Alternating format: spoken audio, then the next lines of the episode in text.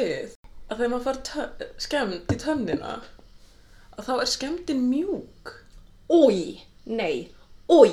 eins og leður Új, nei, új. Ég er í sjokki, sko, ég Oj. var bara Hæ? Hjá. Uh, ég er sko bara kúast og degja. Uh, Það er bara svona að potir hún er mjúk Ég er bara, já, Új, új, új, új, új. Þetta er ógeðslega stannir sem ég hef heyrt. Er þetta Ah, óslarinn kæmisegina já. Ég held að Ah. ógæslega staðarindir Það eru bestu staðarindir Já, dína horror staðarind. Alltaf með tennur líka, nei, þú Já, tennur eru svo ógeðslegar. Eða svona sem allt svona, Mhm. eitthvað gerist við tennur, ég fæ svona, uh, svona illt í tennunar. Það er alltaf bókmyndafræðin að tala eða ekki eitthvað svona tennur er eitthvað svona tákn Ég eitthvað held að það verður svona draumráðningar, eitthvað. Já, já, þú veist, og allt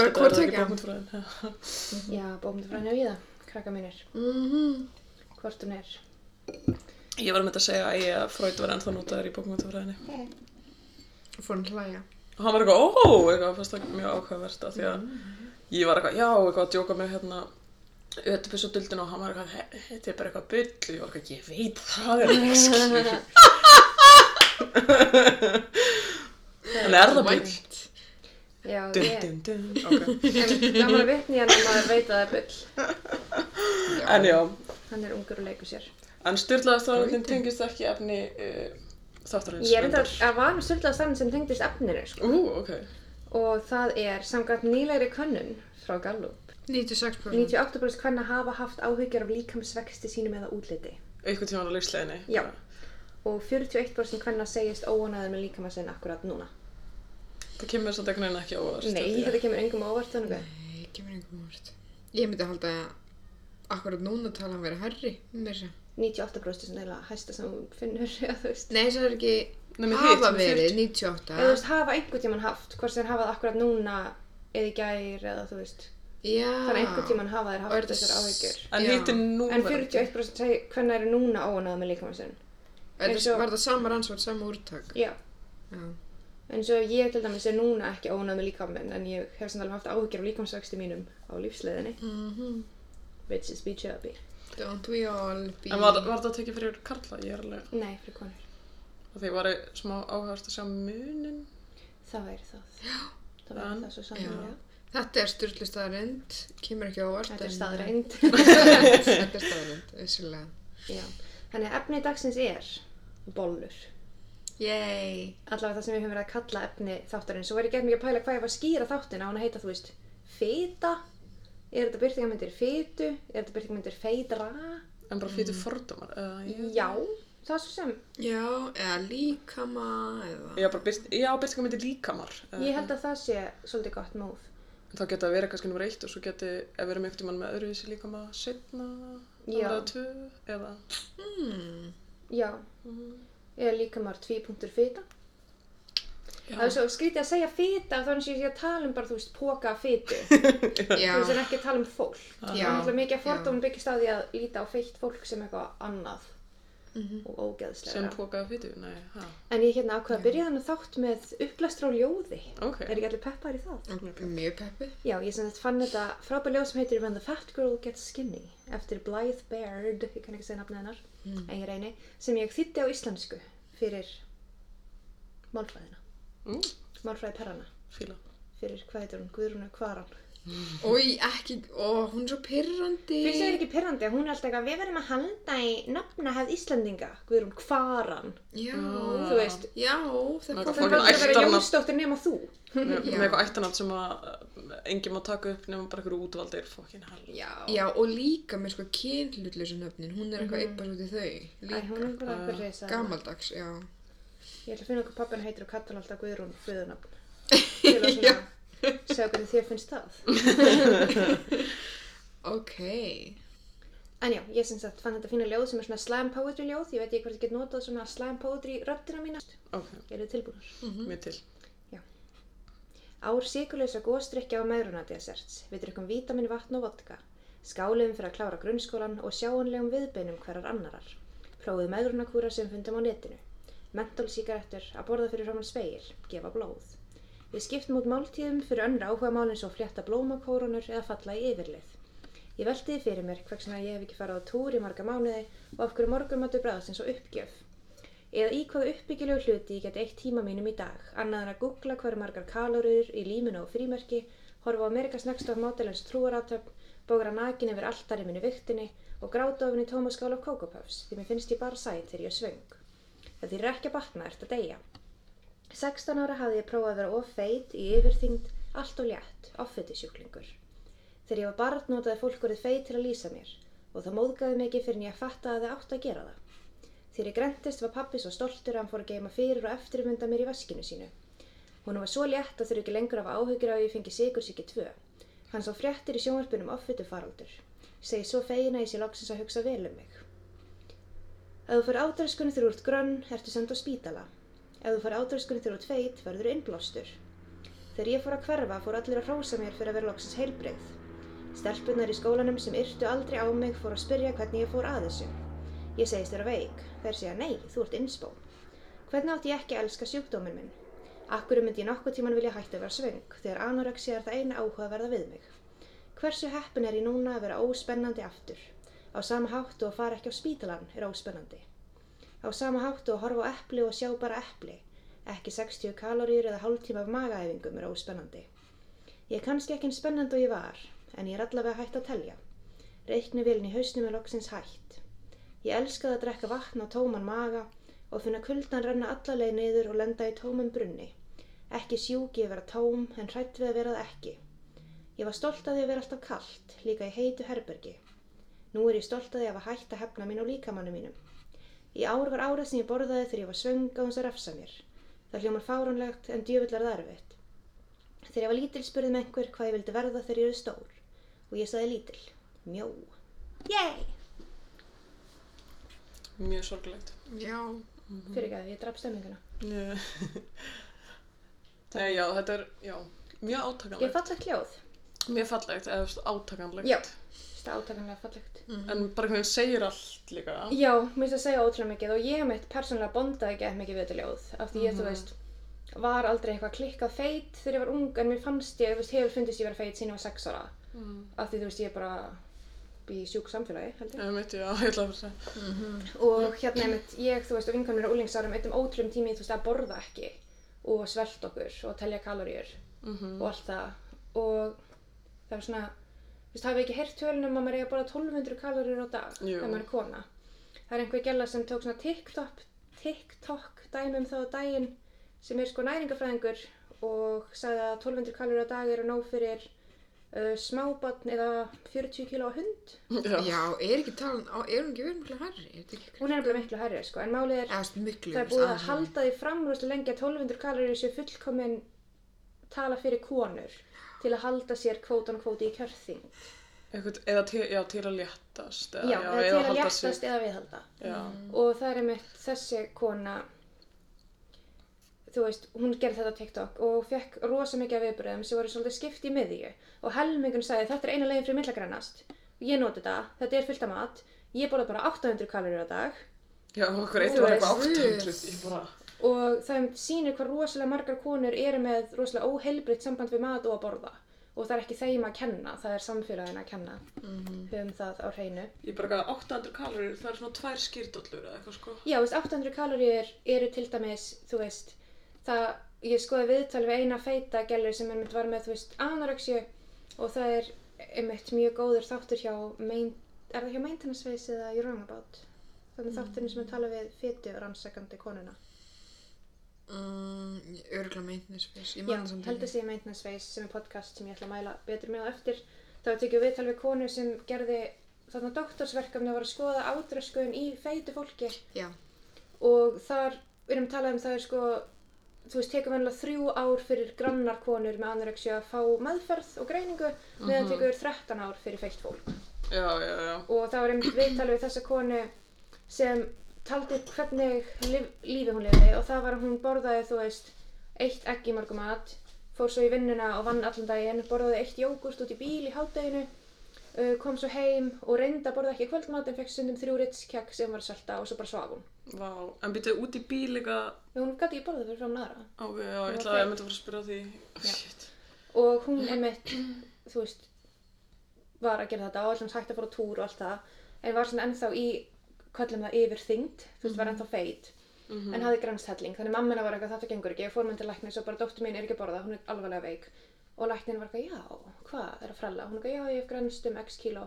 Og hann sagði, þá ertu greinlega rétt leið, þú veitur að halda þess áfram. What, já. Í hann spurði ekki hvað ertu að borða mikið, hvað hefur þið mikið. hann spurði ekki og komst að hann borðaði eitt egg, tvö keks og jógurt. Þú veist, hann var bara, þú ert greinlega að gera rétt. Þú veist, you go girl. Var að segja byrtingamyndir, ég fann hérna fínt kvót frá Dr. Srividya Ramasubramanian og Æju Jalin Síkal sem gerði rannsókn á byrtingamyndum jaðarhópa í samfélaginu og þær segja byrtingamyndir senda skilabóðum hver á heima í samfélaginu, hvaða hópa er í lægi að virða ekki og hvernig framkoma er í lægi gagvart jaðarsættu fólki. Mhm. Og ef við lítum á þetta getum við séð mjög mikið um hvaða framkoma er í lægi gagvart feitum. Ef við horfum á hvernig er talað um feitt fólk í miðlum og menningunni. Það er byrtingamyndar fetu eru almennt neikvæður. Við sjáum til dæmis núna að það er alltaf feitur kapitalisti. Þú veist, þegar það er til dæmis bara einhver svona ótrúlega einföld svona teiknimynda útsetning á, þú veist, kapitalismi sé vondur, þá er einhver feitur sem representar kapitalisma.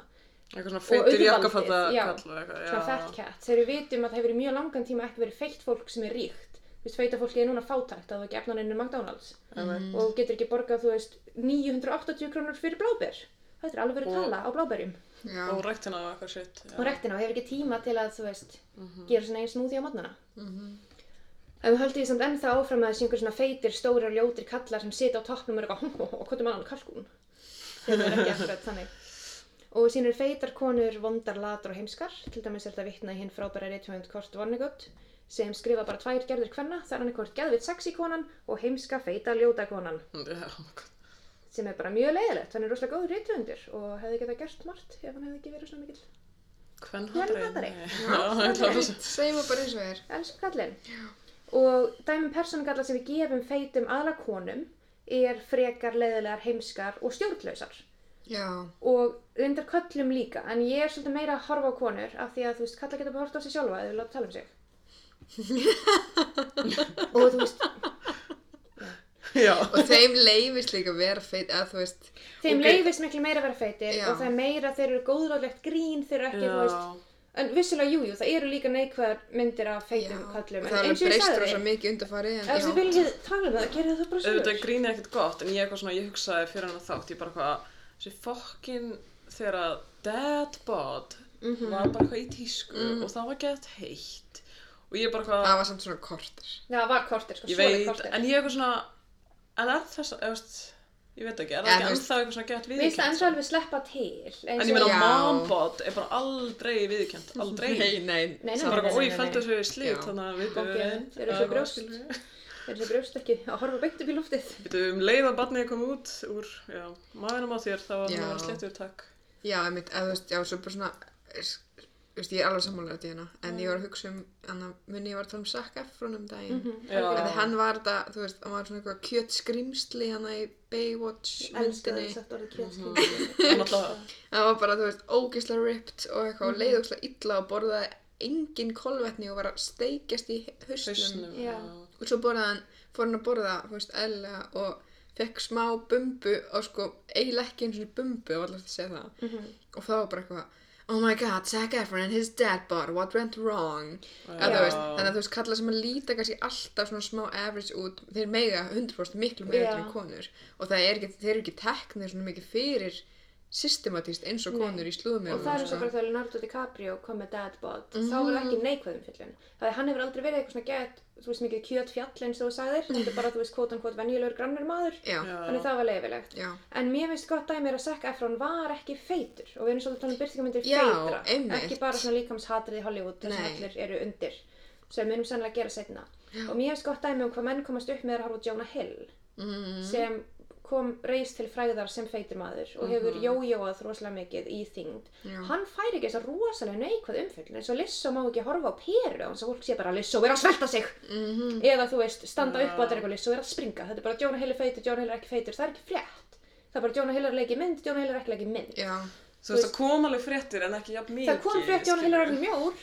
Og þú veist En ekki að en þetta er ekki, þú veist, umræðan um hann er ekki bara þetta nei, þú veist, hann er bara Jonah Hill og hann er maður. En já. til dæmis Adele er bara talan á yktinni sýnist mér, í fjölmiðlum allavega. Þannig held við sjáum þar svona hvernig meðferðin er aðeins misjöfn eftir því hvað það að gera. Mm Það er Jonah Hill er, þú veist, leikari og listamaður fyrst og allar konur eru líkaminn þeirra fyrst og hversu mikið þið langar að ríða henni eða ekki. Já, einmitt. Og ég var einmitt tók dæmi um svona feitar staðlumindir sem heldur leðilegar og ég byrjaði á hérna Melissa McCarthy í öllu sem hún leikur. Já, Já, já, já. og til dæmis í Bridesma- Bridesmaids þar leikur hún, þú veist, feitakonu sem er sjálfsörug og reynir við karlmann og það er ógæðslega fyndið, það er bara já. og maðurinn sem hún er að reyna við myndina bæði, þú veist, maðurinn hann er í alvörunni og þá bara vera hilar einhver, þú veist, venjulega útlunandi maður getið svo hjá þessari konu. Já, ég skil ekki ekkur þau bæði samtitt að leika þetta en okkur Einmitt, leika þeim what?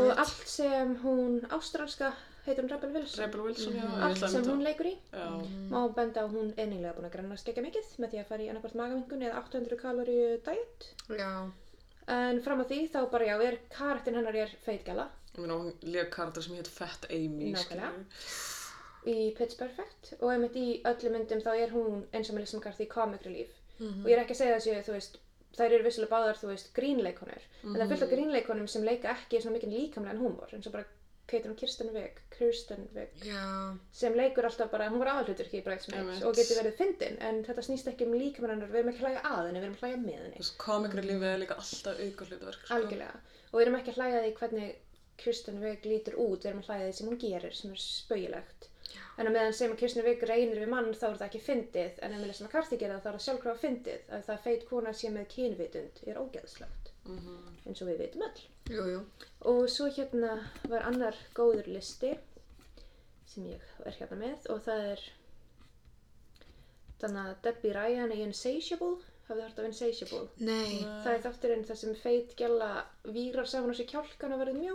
Oh og er með leikið af mjóri leikonu í oi, og svo er þetta Monica úr Friends líka mjókona í ó, fatsuit guð, Ok, það er svo hrein. Og það er einmitt bara eitthvað svona, haha, hlægjum þegar Monika var feit. já og brandarinn eru, hún er alltaf að borða þú veist það er bara brandarinn já, Og líka svona, hún er látin dansa. Já, en það var ekki grín svona að líka líkamann, hennar. já. Hún er að dansa, hún er í partí og pantaði pítsu sem ekki að fyndið. Það að benda á að engin feitur hefur nokkuð tíman borðað pítsu og almanna færi. Mm, Sérstaklega ekki sem hann pantaði sér einn í partí. Þú veist, og, já, bara eitthvað svona, það með var- ekki borðan en maður sé fyndið. já, og- það, Já, og svo þú veist þegar einhver segir í Friends, ó nei, þá segir hún, did someone sit on my Kit Kats?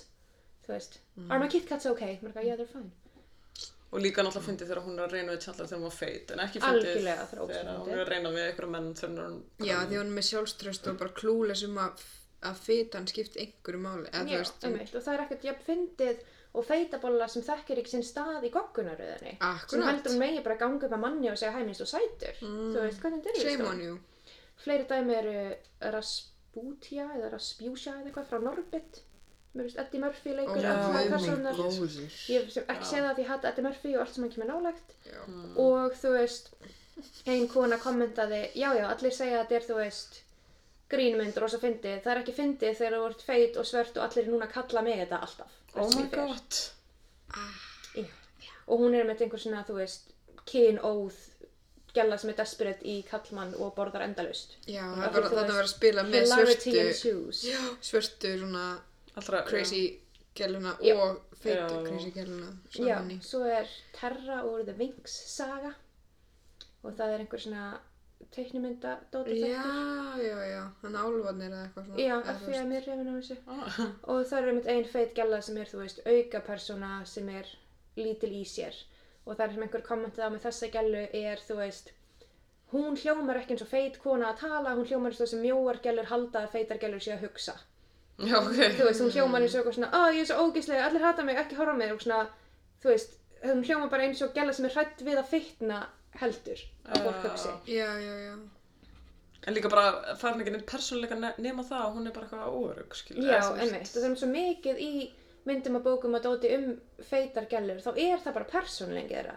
Það er bara eitthvað, Guðrún var feit, hún var með bumbu sem hristist hún labbaði henni við laugavegin. Og hvað gerði Guðrún á daginn? Þú veist, Hver er hún áhuga á? nákvæmlega. Svo er Toby úr Trollhunters. Það er ekki alls í Trollhunters, það er teiknumynda á Netflix. Ok. Og það er Toby sem er feitur, hann er besti vinur aðal Já, og hugsa bara, hugsa bara um mat. Og allir eru mjóir í þessum heimi nema Toby. Ok. Þannig að allir bara mjóir, hann er kringláttur. Og síðan er þetta and the City þegar Samantha bætir á sig einu aukakílói og allir frík út. Já, og maður gæti að hann er eitthvað, ah, eitthvað, what's with the, Eitthvað svona, what happened? já, what's with the, hann að gut? Já, Já. oh my god Bara eitthvað, what, gaur, það er ekki, Og þá er myndið geraði tenginguna sem hann það hefur fitnað fyrir óhemingisum sem er mjög algeng tenging feitir eru óhemingisamir og fitnar eða líður illa. Meðan það er vísindilega sannað að mjög margir fitna þegar þeim líður vel að þeir ekki lengur með Ah. já. Nákvæmlega Og svo er auðvitað Gwyneth Paltrow í Shallow Hal. Oh my god, ég ætla, ég var að vona um Allir þekkja þá mynd sem gengur út á að Hal er svo shallow, hann byrja bara með heitum gælum, þá hún verður fyrir álögum og sér feita gælu sem fallega konu og verður ástfangin af henni. Eða semst ekki alltaf, já, semst hann sér þá bara persónleikar þeirra, þannig að þó að gæla sér ljót Mhm. innan gæsla, skilja, hún er bara feit, Þá sér hann hann með fallegan persónuleika. en sér hann að mjóa. Já, hann sér hann að eitthvað, oh my god. Og það er mitt Gwyneth Paltrow í Fatsuit líka. Og svo er allir bara eitthvað, eitthvað ælandi þarna því að hann er að deyta hana. Já, algjörlega. Og það er Ok, ekki líka og... fucking Jack Black. Að segja ekki eins og Jack Black sé einhverju verðaluna gripur á fæti ef við erum bara að fara að dæma eftir útliti. Nei, ég er bara eitthvað svona, þú veist, allir vinir hans eitthvað, what, what are you doing, eitthvað, og ég er bara svona, hann er sjálfur með bumbu. Já, Nei, þið verðast bara mjög, þú veist, akkurat par. En svo er líka þegar hann sé, að, þú veist, já, eitthvað svona, á, á ég að vera með henni núna, eitthvað, ó, það er svo hrikalega mynd, svo hrikaleg mynd. ógesla mynd Við horfum á hann í badnámeli þegar ég var svona tíu ára. Ég held ég, ok, ég viðkenni ára. trí og batt og horfði ógast ofta á þessu mynd. Já. Ég Já, reynda að þú horfi mjög ofta á var myndir. fyndin, Mér fíla hann eitthvað svo mikið, en það er bara því ég var ekki trefin af svona mynd. En þú veist, En ekki út af fytun eða neitt, ég er bara, ég minnst ekki fyndið. en þú veist, hvað er batt bara eitthvað, já, feitt, slæmt, Bönn eru það. mjótt, er gott. Það er það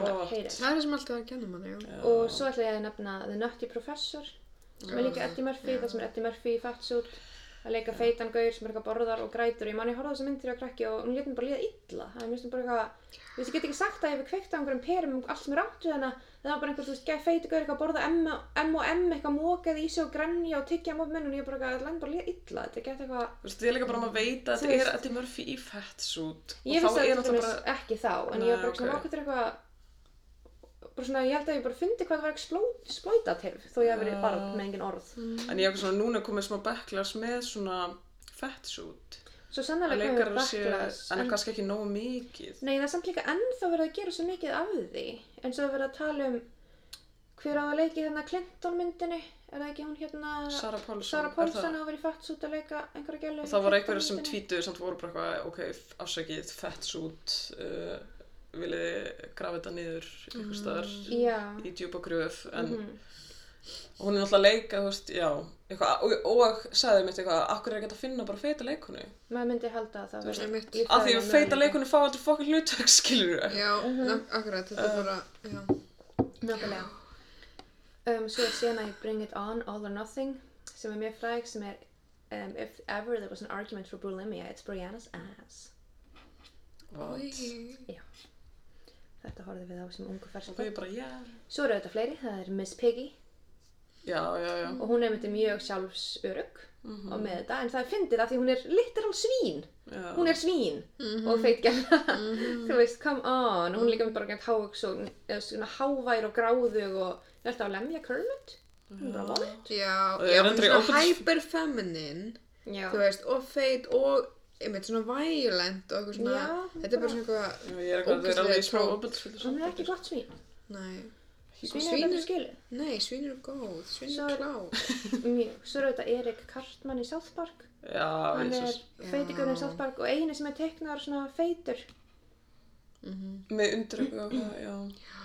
Einmitt. og já, og þú veist, hann einmitt er gráðugur og heimskur og vondur og allt það svo er dæmi sem er Pam Poovey í Archer, ég hef aldrei hort á Archer Nei, ekki alltaf. en ég googlaði það bara mynd af feitri teiknari gælu að borða, gef mikið þannig að sýnist ekki að vera sama Ok, dæmi þú veist, eru þau bara alltaf að borða ekki mikið? og það stendur í um hana hún er, þú veist, vond manneskja og þessi Pam um, eitthvað svona er alltaf að þvinga fólk til að sofa hjá sér eða svona, þú veist, beita ekki miklu svona pressu Brögðum. til að láta fólk ríða sér Mm. eða þú veist að misnota fólk þegar það er sofandi Ok, oi.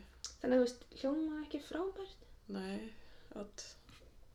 og svo er Eugene í The Walking Dead sem er þú veist latur og þú veist lígari og enginn vill vera með honum og þú veist Nei, hann bara, þú veist, þessi sami feiti gaur, hann bara svona lufsast um og enginn hefur gagnað honum og hann er latur og ljúa öllum og bara, hver fárnir aumingi. Allir sem Seth MacFarlane kemur nálægt, til dæmis, Hata hann. ég hata hann svo mikið Oj. að mér langar andlita hann stetti af. Já, já, Hann er ógislegur. En já, til dæmis allir í öllu sem hann gerir já. Já. eru feitir og heimskir, til dæmis allir í Family Guy, þú veist, all fjölskyldan. Og Og ég já, er svo, þetta er svo fucking viðbjörslega manneskja. hann er svo ógeðslegur maður. Ég Þú veist, akkur ekki búið að cancela svona ándjóks. Já, það var, var það ekki reynd? Á, mér langar að cancela Er hann svo það? mikið. Já, ég held að hann sagði eitthvað alveg fræðilegt. Hann hefur sagt mjög margt alveg hræðilegt. Ég, einhvern veginn- ég tók ég alveg tímabili sem ég valdi að reyna að cancela hann og svo bara blokkaði hann út og fór á Já, eitthvað annað. ég veit. Svo er þetta Fat Bastard, Rustin Powers. Ó, já. Já, oh my god, já. Og Það er náttúrulega líka eitthvað fett sút. Já, já, það er þetta Fat Suit. Mhm. Svo er Mimi í The Drew Carey Show. Drew Carey Show var eftir sjónvarpinu yfir lítil, ég horfði aldrei á hann. Oh my god. Ég horfði ógeðslega mikið á það. En hún er meitt feit í rétt. fötum og þú veist, einmana og á bátt. Þú veist. Bara Svona eins og þú veist, margir kunni ekki skrifa kartar, bara svona, ok, það var gett glata, svona glöti gælla. Já, og það Hvernig var að hana? feit. Og það var bara alltaf feit og, Og hávær og gröð. í einhverjum astanlegum fötum eða eitthvað. astanlega máluð og svona ekki self-aware það er eins og stærsti glæpurinn sé að vera ekki meðvitaður um hvað þú ert ógislegur Já. Þú veist, stærsti glæpurinn er ef ég er feit og ljót og læt bara eins og ég, þú veist, eigi rétt á hlutum. Það er, þú veist, bæði brandarna sem gerir mig óvið líkanlega Já, að þú sért bara með sjálfsörgi þó þú sért. já, bara ef ég er eitthvað ok, ég ætla bara að mála mig eins og trúður vera feit, ræka mér allt hárið og gangi magaból og samt bara koma fram eins og ég eigi skili sjálfs og mannréttindi þá er ég fáviti Já. þú veist, þá er þetta bara hvað heldur þessi gæla við sem bara hleypir inn í bónus og ekki slá hún á að fara að fela sig. Mm, Já. Já, Já. það er góða punktur, sko. Þú veist að þetta vita þenni stað í samfélaginu út frá, Bara svona, hvað er hún að hörsla eitthvað mann?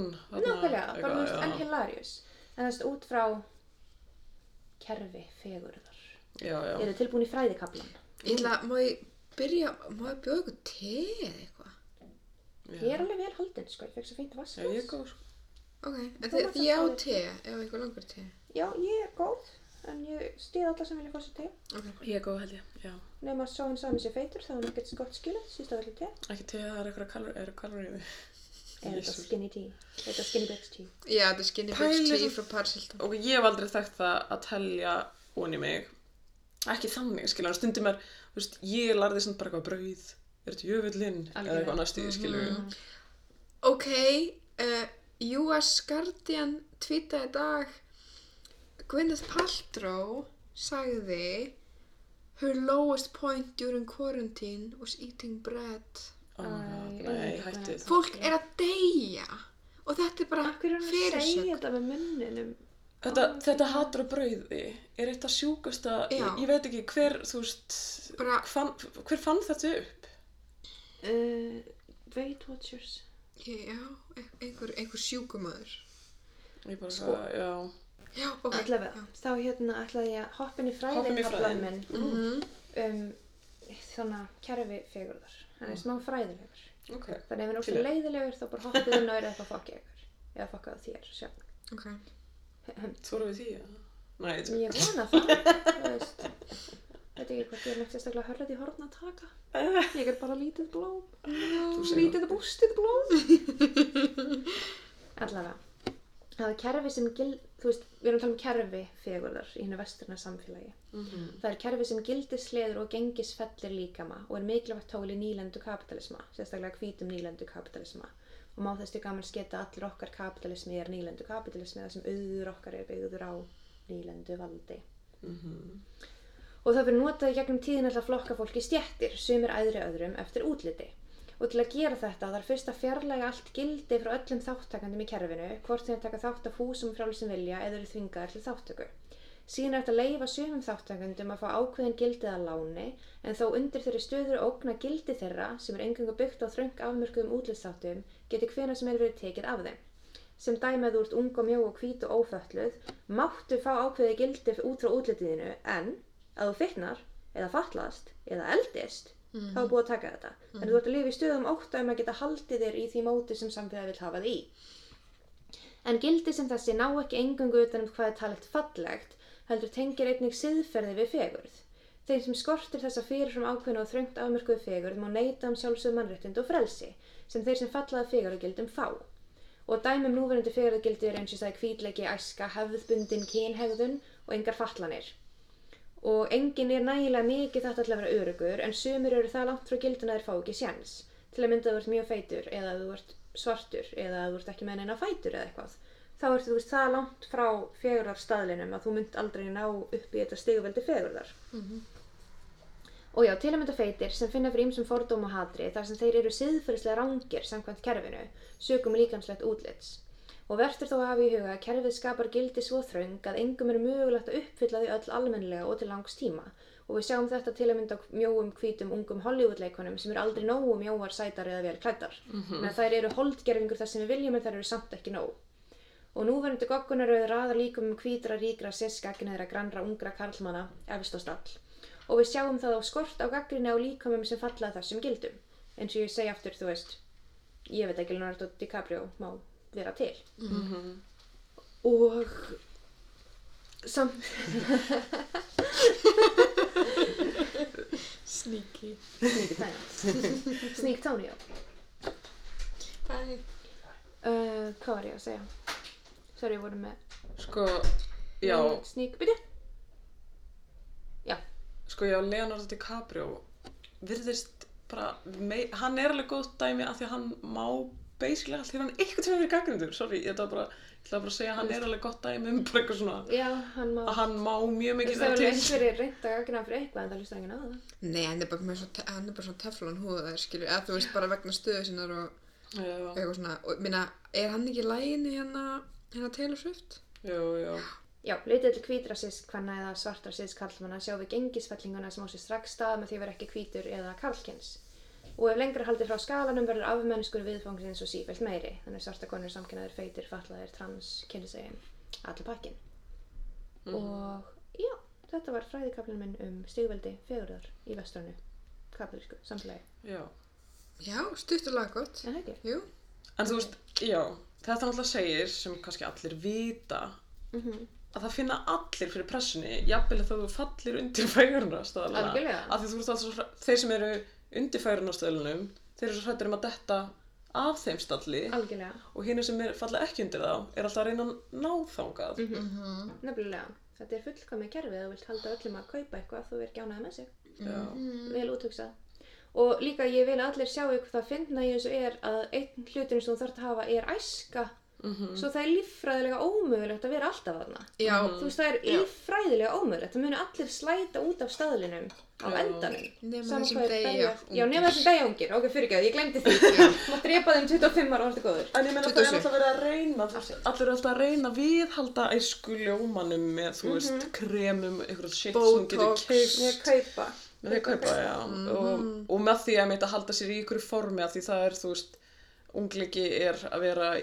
góðu, veist, líkamlega ástandi og geta hlaupið og eitthvað. Einmitt. Þannig að allir alltaf reyna að viðhalda því. en- Já, einmitt, ég hugsa um, mér dætti bara í hug, þú veist, Jane Fonda, sem að tekur svo sjúklega mikið marka á henni, hún er ógslag flott, leikunar og aktivisti í dag og svona, eða þú veist, hefur alltaf verið aktivisti, mjög ábyrjandi í aktivismi í dag. Mhm. Og ég er að hugsa bara, ef hún væri ekki svona stinn og grönn og eitthvað sem, þú veist, hvað er hún, átt, áttræð? Og fín og hvít og... Já, myndi maður veitum sem mikla að? Nei, alls ekki, og hún myndi ekki fá svo mikið plattform heldur. Nákvæmlega. Fólk myndi ekki vera að harfa. Mm Já, þetta er einmitt sko, ég manna hérna, við rættum þetta smá í, tísku áfangan mínum í Radbót að kennarinn var með held ég eldri prófessorum og hún var bara, þú veist, að telja upp um þessar fegurar, þú veist, staðla, já, og mm Mhm. taldum eitthvað svona aðeins, þú veist, nokk, eitthvað örfáa, þú veist, örfáa breytur Mhm. og svo sagði hann, hvað finnst ykkur vanda hérna? Og við varum allir eitthvað svona, hmm, uh, ég veit ekki, og hún eitthvað, aldur, þú veist, Já. það er bara, það er það sem er oft bara inni í mitt. Algjörlega. Mm. Og það er líka oft það sem er svona litipínu framhjá, þú veist, það er Já. ekki sagt ofinbarlega að þú átt að vera ung, en það er sagt mjög ofinbarlega að þú átt að líta út úr eins ungu og getur. Já, Að þú veist, við veitum að við segjum bara að það átt alltaf að vera 25 ára, það er ekki hægt. Mhm. En þú veist, við erum að reyna að hljóma, þú veist, láta þetta virka. mhm, Og þá myndi alltaf ég að kíkja aðeins á body positivity. Yes, til ég. Og hvað myndið þið segja body positivity var íslensku? Myndi það vera líkamsvirðing, líkamsjákvæðinni? Heppaðir líkamar? Er það ekki líka svirðing oftast þýtt? Jú, en það er spurning hvort við kannski förum að breyta því að svo er líka komið hugtak sem heitir bara body... Ó, Fanny vinkunum mín var að tala um þetta daginn. Hérna, bara svona body neutrality Mm, ok. sem er, já, það er svona an, smá annað en body positivity af því að body pos er svolítið, það er búið, eign, þú veist, grannar konur hafa svolítið eigna sér það. Algjörlega. Þannig að þú veist, feita konur er kannski ekki alveg, þú veist, það er svolítið kannski hættar að að Já. hérna, tengja við umræðina sem er í gangi Já, með já. body pos. Sko. En líkamsvirðing er mest, mest notað á íslensku. Já, en ég veit ekki einmitt hvort líkamsvirðing væri kannski aðeins meira en body pause, mm. veit ég, en mér finnst einmitt það sem ég chilla mest er svona fat liberation og fat acceptance, sem Já. veðust fat acceptance bara, þú veist, þannig að koma fram einhverju sem fólk og fat liberation bara come on fólk. Mm En það sem body positivity hreyfingin byrjaði hjá feitum konum Já. og byrjaði sem bara, þú veist, þær að reyna að fá sjálfsögð mannréttindi þrátt fyrir útleitt sitt. Og þessi body positivity hreyfing sem við erum með í dag, hún snýst ekki um að kollvarpa kerfinu eða gaggrina það neitt sérstaklega. Hún snýst um að meta, reyna að meta fegur líkama sem falla ekki 100% af gildum en víkur þá ekki mjög langt frá ríkjandi fegurastöðlum. Sem er vissulega gott og blessað og mjög velkomið að þú veist sjá aðeins öðru sér fegur. Mér finnst fínt að sjá smá bumbu hér og einhvern brúnan þar. En þú veist það er bara ekki nóg. Við myndum þurfa að kollvarpa kerfinu algjörlega til að ná einhverjum árangri. En þetta er fín byrjun og alveg fínt, þú veist, betur en ekkert Já. og þú veist, mér finnst eins og ég segi, þú veist, stið alveg fólk sem vil vera body positive og líka ég segja það er rosalega pressa á mjótt fólk að líta vel út líka bara minnur er að þeir verða ekki verið sem rosalega fordómum og hatri sem feitt fólk verða fyrir Já, það er ekki svona kerfisbundi, það er bara ekki flugvélasæti. hatur gegn fólki Já. sem er ekki feitt Já. Og það er um eitthvað sem fólk gleymir stundum þegar það er að tala um, þú veist, þegar bara feitir aktivistar vilja fá bara fat acceptance og fat liberation að fólk segir, þú veist come on, ég er alltaf verið að segja við mig að ég sé á grann og ég er að borða meira. Mhm. bara já, en ertu beitt ofbeldi út á götu fyrir hvernig þú lítur út, nei. Einmitt, já, þú þú ekki ert fá það að klei... Nákvæmlega, missir í vinnuna, færðu færri tækifæri þú veist, horfir læknir ekki á þig færðu ekki græningu, þú veist, nei, þú lendir ekki í þessu. Já. að því feitt fólk er alveg actually það jaðarsettur hópur að þeir eru bara í þú veist meiri hættu á að deyja Já, en aðrir. Já, svona feitir að þú veist að mjög feitt fólk hérna er bara að neita um læknistjónustu oft og eitthvað. algjörlega. Það er einmitt mamma sagði mér sögu hún á þú veist, dóttir vingun hennar er feit og að vera með einhver óþægind í hálsinum í þú veist 12 ár og var alltaf fælt að læknir sagði bara eitthvað, þú verður fyrir meðrun, það var að grannast þetta er bara, þú ert svo Já, feit. alltaf bara að þú hlusta ert svo feit. Og svo fór hún til annars læknis og hún var með eitthvað skjálkjörtisvandamál þetta var aðgerð Já, sem hefði verið hægt að gera fyrir 12 árum. Já, og önnur er- kona sem ég þekki sem var svo illt í njánum þannig að henni var sagt nýra grannast og hún reyndi og reyndi og það tókst ekki neitt svo hún fór í magaminkuna aðgerð og er núna grönn og var ennþá svo illt í njánum og fór til læknis. Og hann sagði, ó þú með slitið liðþófa aðgerð. What? Já. sem hún hefði getað farið í ennþá feit. Já, ef einhver hefði kíkt á hnið á henni en þeir sá henni bara vera eitthvað að svolítið bóla hreikalegt þetta er bara álag. Þú veist, umræðan líka, ég meina bara eins og með síkursíki 2 það náttúrulega bara er ekki rétt að það sé holdafarst að hún er ekki á áunin nei, emmitt þú veist, þú mátti í reyni ekki segja lengur áunin síkursíki Já, það er ekki en rétt. þetta var bara eitthvað sem að, þú veist, ég veit ekki, læknarsamfélagi samþykti bara að fæða fólk á að vera bara eitthvað, já, þetta er áunin síkursíki því þú ert feit. Algjörlega. Þannig að, já, það er mjög slæmt. Og þetta er einmitt, já bara sem ég vil gera í þessum þætti er að þú veist nefna líkamsvirðingu og þú veist að við meðum öll vera ánæðri með okkur en það er kannski ekki akkurat það sem við erum að tala um þú veist bara, Nei, ég myndi eitthvað svona mest líka svona, sorry, að, bara alltaf gott. Það er alltaf Sama gott, þó þú sko. sért grannri heldur en ykkur aðrir og eitthvað Mhm. Þú veist, það er gott bara að sjá alls konar líkama og þú veist og, og ef að fólk er til í það já. Sorry, það er svona running joke á, skrifstofunni að segja við erum öll með líkama og það einhver sagði það og var að tala um kyntjáningu og kynneiður og ég sagði ég, við erum allir Nei, líkama nei, það var einhver bara einhver út í bæ sem sagði eitthvað, já, við erum öll með líkama og þetta er bara svona smá eitthvað sem við segjum Já, já. æ, sorry, mér datt það í hug Nei, þú veist, auðvitað, já, bara að þú veist, að því við erum öll með líkama mhm, skilju, og bara bera virðingu fyrir honum í hvað sama, já, hvernig hann er. Já, já og ég myndi vildi bara hafa pointið þú veist að því oft er verið að tala um bara þú veist fytu og þetta og þá koma þeir sem eru með svona body pause inn og er eitthvað þú veist, akkur við ekki um alla Mhm. en máli vil núna bara tala um aðeins meira feitt fólk slæta kannski inn á eins og þess að fegur að staðla og allt það og halda því á hreinu að podcastið byrtingamyndir Ég er hrifið af byrtingarmyndum allra líkama, sama hvernig er í lægin. Það er okkar official stance og líka með, þú veist, margir feitir aktivistar segja líka að, þú veist, það er ekkert að body positivity í hreyfingunni. Ég hata hann ekki neitt. Nei. Það er flott að sjá fleiri og fleiri og alltaf vera að íta, þú veist, umslæðin um hvað má lengra út. Já. Þú veist, einu sinni máttu ekki vera neitt brúnn, núna máttu vera smá brúnn. Einu sinni máttu ekki vera neitt rass, núna máttu vera með pínurass. Þannig bara höldum áfram að íta og sjá öðruvísi fegur, það er bara ekki nóg. Já. En þú veist, enginn að segja hættið body positivity, bara gerum meira líka og gerum annað líka. Bara Já. höldum áfram og gerum meira. Let's go Mhm, nákvæmlega. og þú veist, ég til dæmis persónlega þú veist, get fundið alltaf sjálfsást sem ég vil í sjálfur mér og ég, þú veist, skal slengja mynda mér á Instagram en ég er, þú veist, hvít og ófölluð og sæti framann og bara smábóla þannig að, þú veist, ég verð ekki fyrir einhverjum klikkuðum fordómum úti í hinnum stóra heimi þú veist, mér er ekki neitað um einhver réttindi nema ég mér það Er það? Já, ég að lesa mér svo illt í maganum við erum gafin sko upp þandur eitthvað og gerðum og svona horfða með verka, já hefur prófað að fara í megrun Hæ? bara gett djúpt, ég Þú bara notaði bara orðið megur já, já, og ég var bara já What year is ég hef it? prófað það Ok, fyrsta lagi, megrun í dag, ég held að fólk, ef það er bara kortur í eitthvað, viltu ekki prófa að taka inn eitur? já, og stakk líka á keto og ég vil benda á ég kom En að líka því- bara að þú ert ekkert feik. Þú ert líka með Ég veit það. sög af átrúskun eða einhver, einhvers konar já, hann er alveg saman það maður Ha? Já, Oh og ég er líka með magasjúkdóm. Já, þú veist, bara hvað segir, ég Ha, með horfðu hún á skýrsluna hérna? ekki, hann var bara mig. Þannig hún bara, já, ég hef prófað að fara í megrun. Og ég var bara, já, ég hef prófað að fara í megrun er líka að koma að því mæli mig ekki svona upp þaninn Mhm. Þannig ég kom og verið svona, ætli ég sé með eitthvað svona, kannski eitthvað óþól fyrir einhver sem ég verið að borða eitthvað, langar bara slætin og hún getur verið eitthvað, já, þetta hljóma eins og glúten óþól. Mhm. Eða eitthvað, þú veist, ég held ég myndi Já. fá, eða bara eitthvað, Ég held að við ekki þjónustu. já, eða bara svona einhver, að þú veist, ég vissi alveg að ég var ekkert að fara að deyja, en bara eins og ég, maður er svona upp þaninn, það er ekki Já, já. eðlilegt. Nei. Og ég líka verið svona, þú veist, ég veit alveg munin á að vera með bumbu og vera, þú veist, með maga sem er fullar af einhverjum óþægindum, þú veist, æ, come on. Aha. What? Nei, veist ég, ég, margar sögur af konum sem voru ólettar og voru eitthvað að þú ert, Já, þú ert svolítið feit, vina mín, eitthvað, Já, bara eitthvað, ég er að fokkin ganga um bara þegið, ég fekk þetta samt ekki, en, bara að ég veit ekki, bara hrikalegt, Bætir á sér á óléttum og allt það, það, þú veist, bara ógstlega miklu fordómar í læknarsamfélaginu en þá, mjög mikið. að lækna heilbriðs, ég veit ekki, já, kerfinu, öruglega. kannski ekki bara lækna, en alltaf þetta eru hjúkunarfræðingar líka, Já, rosa mikið. Mhm. og það er einmitt eitthvað sem er svo lítið talað með svona lítið viðurkjönd eins og það er feikt fólk verið að tala um að ég skeli sjálfsögð mannréttindi að fara til eitthvað svona hættu bara vælu farið meðrun en það er líka búið að dokumenta það mjög vel að þú veist meðrunarkúrar virka ekki og síðan 1959 hafa rannsóknir sínt að 95-98% af tilhörnum til að grannast virka ekki. Þú veist, þú grannist og þú fitnar aftur og venjulega meira en áður. Þú veist, Já. þú missir 10 kíló og þingist um 15. Og þú veist, ástæðan fyrir þessu eru líffræðilegar ástæður. Að þú veist, við erum gerð úr þannig efni að við eigum að halda í næringu eins og við getum. Af því þú veist, bara þannig virka öll dýr. Bara þú fær næringu og heldur í hana að þú þarft hann alltaf að lifa.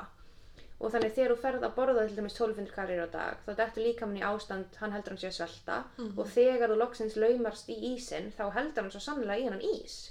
Þú veist, hann er ekki að sleppa þessari næringu, því hann er að lifa í svelti ástandi. Já, og hann er núna að fá eitthvað sem hann þarf að halda til að lifa. Og þetta dæmi eins og bara vera alltaf kallt, er bara ekki gott dæmi um vannæringu, af því líkamann hefur ekki orku til að eigi að hýta sig upp. Þannig að bara halda líffjörunum gangandi. En svo sko, ok, nú er ég, þú veist, að tala sem bara grunnmannskja, en þú veist, ég er oft bara, ég veit Díana kemur til alltaf- skapnum svo grannmanneskja.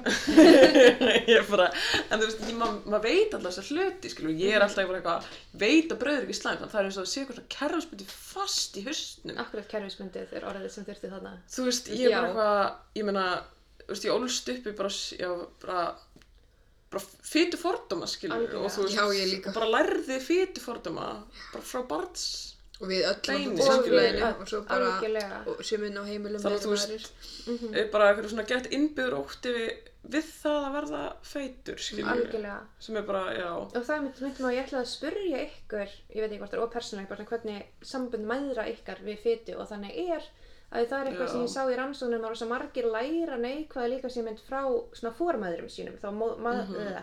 Mæðurum og ömmum. Af því þú veist, þó að samfélagið, ég er ekki að segja samfélagið sé neitt betra núna en 59, en segjum sér svo að það sé betra þá eru gömlu gildin lifandi í þessum konum já. sem þú veist koma sem þau fram í næstu kynnslóð. Ég sko, ég náttúrulega, já, mamma var alltaf í meðrun, skilur. Já, og hún var grönn. Ég veist, ég meina hún var bara vennileg, skilur, Já. já, uh, en hún var alltaf bara, átti mjög erfitt með þetta og hún líka gekk með, þú veist, þrjú börna mjög stuttum tíma og hérna, þegar hún var að deyja, þá bara sagði hann að þetta væri hennar mesta eftirsjá Já, að hafa alltaf verið í megrun og verið að pæla svona mikið að hún væri feit. algjörlega. Ég held að við ættum öll að taka þessi orð og muna þau Já, að eilífu. ég var eitthvað svona, ég er alltaf að reyna að muna það sjálf, ég er eitthvað svona, þú veist, að vera að pæla í þessu bara tekur úrslega mikla orku og þú veist, við segjum bara, kannski bara góða stundir sem, að- þar sem hún var bara að velta þessu fyrir sér. Um, en þú veist, og það var svolítið svona oft, þú veist, verið að vikta sig og ég náttúrulega tek þetta inn, já, mamma vikta sig og finnst þú að vera feit og ég heyrði orðið, ég er feit og oft. Mhm. Og ég hef núna búin að vera, þú veist, út af því ég eignast dóttur, náttúrulega, ég fyrra, gett eitthvað náttúrulega, eignast dóttur í fyrra. Já, vinnir podcastins vita það. Og ég er búin að vera bara eitthvað, ég má ekki segja þetta orð um mig eða bara, eða nokkurn annan mann, skilur, Mhm. fyrir framann hana. Mhm. Ég er bara svona systematíst, bara reyna að minna mig á að bara ekki segja þetta upp átt. Já. Þú veist, ef, því, ef mér liður eitthvað illa einhvern daginn eða bara eitthvað, ok, maður er náttúrulega ógslag fastur í þessu, bara eitthvað, ef ég er ekki búin að reyða mig eitthvað lengi, Mhm.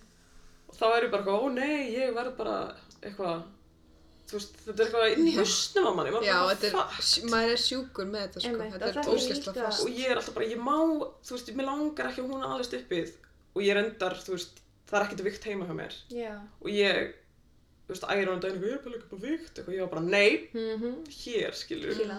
þú ætla ekki ekkert að vera vikt, hann er alltaf, hann er alltaf herri en BMI, BMI, by the way, BMI er- bullshit, meter, eh, incorporated, eitthvað, ég veit ekki, bullshit, þetta er nákvæmlega, þetta er, þetta er rasist ógæslegt kerfi. Já, Já. algjörlega. Og ég mæli með öllum við getum sett link á bara, þú veist, breakdown á hvernig BMI er, þú veist, hvernig það fundi upp og til hvers það er. En við getum allavega að lofa því að það er ekki alvöru leið til að mæla fituna þína. nei, Ég myndi væri hann að heilsuveru um daginn og hérna, að því ég er búin að vera smá svona megrun, nei, ég er ekki búin að vera megrun, en ég er búin að vera hann að grannast. Bara með því að taka út ákveð og fá mér eitthvað annað í staðinn. Af því ég finn að það virka fyrir mig, þú veist, að ok, mér langar að hætta að drekka svo mikið kók, bara þegar líka með þykir vænt um tennunum Já. og eitthvað. Ég hef alltaf rokkað ókslega mikið í þyngd og hérna var að setja inn núna tölunum mínar inn í heilsuveru og það er hægt að velja um BMI, þú veist, þú veist, ég er 1,60 svo setti ég inn kílótöluna og var eitthvað ok, ég ætla að sjá BMI skalunum hvar ég er og ég er ofþungu BMI skalunum og ég hef ekki verið svo létt í mörg mörg ár ég var bara, Fuck that. Ég hef verið Já. of þung, ég hef sko verið í offiti á BMI síðan ég var sem 16 ára og var rosalega grönn. já, En ég bara, þú veist, ég myndi alltaf með stónras og stór læri og þú veist, ég er bara þunga eðlisvari held ég. já, já, það er bara þungt í manni þú veist, en ég líka eitthvað BMI stand fyrir body mass, sumir eru bara með meira body mass og er það eitthvað, Já, nákvæmlega, og það er ekki verið að mæla fyrir einmitt vöðvamassa versus fitu eða bara, þú veist, Nei. líkamsgerð eða neitt. Nei. En ég ætla að halda fram bergurum. Myndur þú segja að fórmæður þínar hafi haldið viktin að þér? það var aldrei til vikt heima en það er rosalega mikil umræða um hvað mamma var feit, hvað allir aðra voru feitir, þessu er fitna, þessu er grænst, ah, lítur hún svona út. Já. oh my god, það komstu komment. það bara vil- svona Og bara já. sorry mamma að hlusta, þetta bara hefði rosalega mikið áhrif á mig. Ég ætla að slengja því inn fyrir podcasti að mamma Já. bergunar er líka mjó. já, nákvæmlega Já, hún bara, þú veist, hún er með stóran rass, ok, og hvað? Og það var gert ógeðslega mikið grínaðan þegar hún krakki, sko. Og bara bræður veist, og þetta situr náttúrulega bara í henni. Og þú veist, og hún erfir þetta á mig, skilur, ég afið eftir, þú veist, þó, það var ekki vikt, en það var öll þessi komment, sko. En ég mynd kannast við þetta svona frængur að vera eitthvað Guð, sáðu þið þessa Já, Eitthvað svona. algjörlega. Og meiri segja sko Þú veist, ég held að það hafi líka verið stundum eitthvað svona að ég talaði kannski um eitthvað svona sýsti mín var eitthvað svona bara byrja á kynþroska skilur Já. Þú veist, eitthvað svona kommenta það og maður er bara svona "Ah, Já, einmitt, bara ég vildi að fólk myndi hægt að kommenta á líkama. líka maður bara punktu þú veist, Það hvort sem þeir eru að grannast eða fitna eða Já. whatever sko. Einmitt. Það er, já, það er rosa ríkt Og í... það er rosa mikið hægt að kommenta á líka maður. Það er hægt að kommenta svo margt annað. Er einhver í flottri peysu? Var einhver kannski í ljótri peysu? Það má líka alveg segja það. Þetta er bara peysa. Þú veist.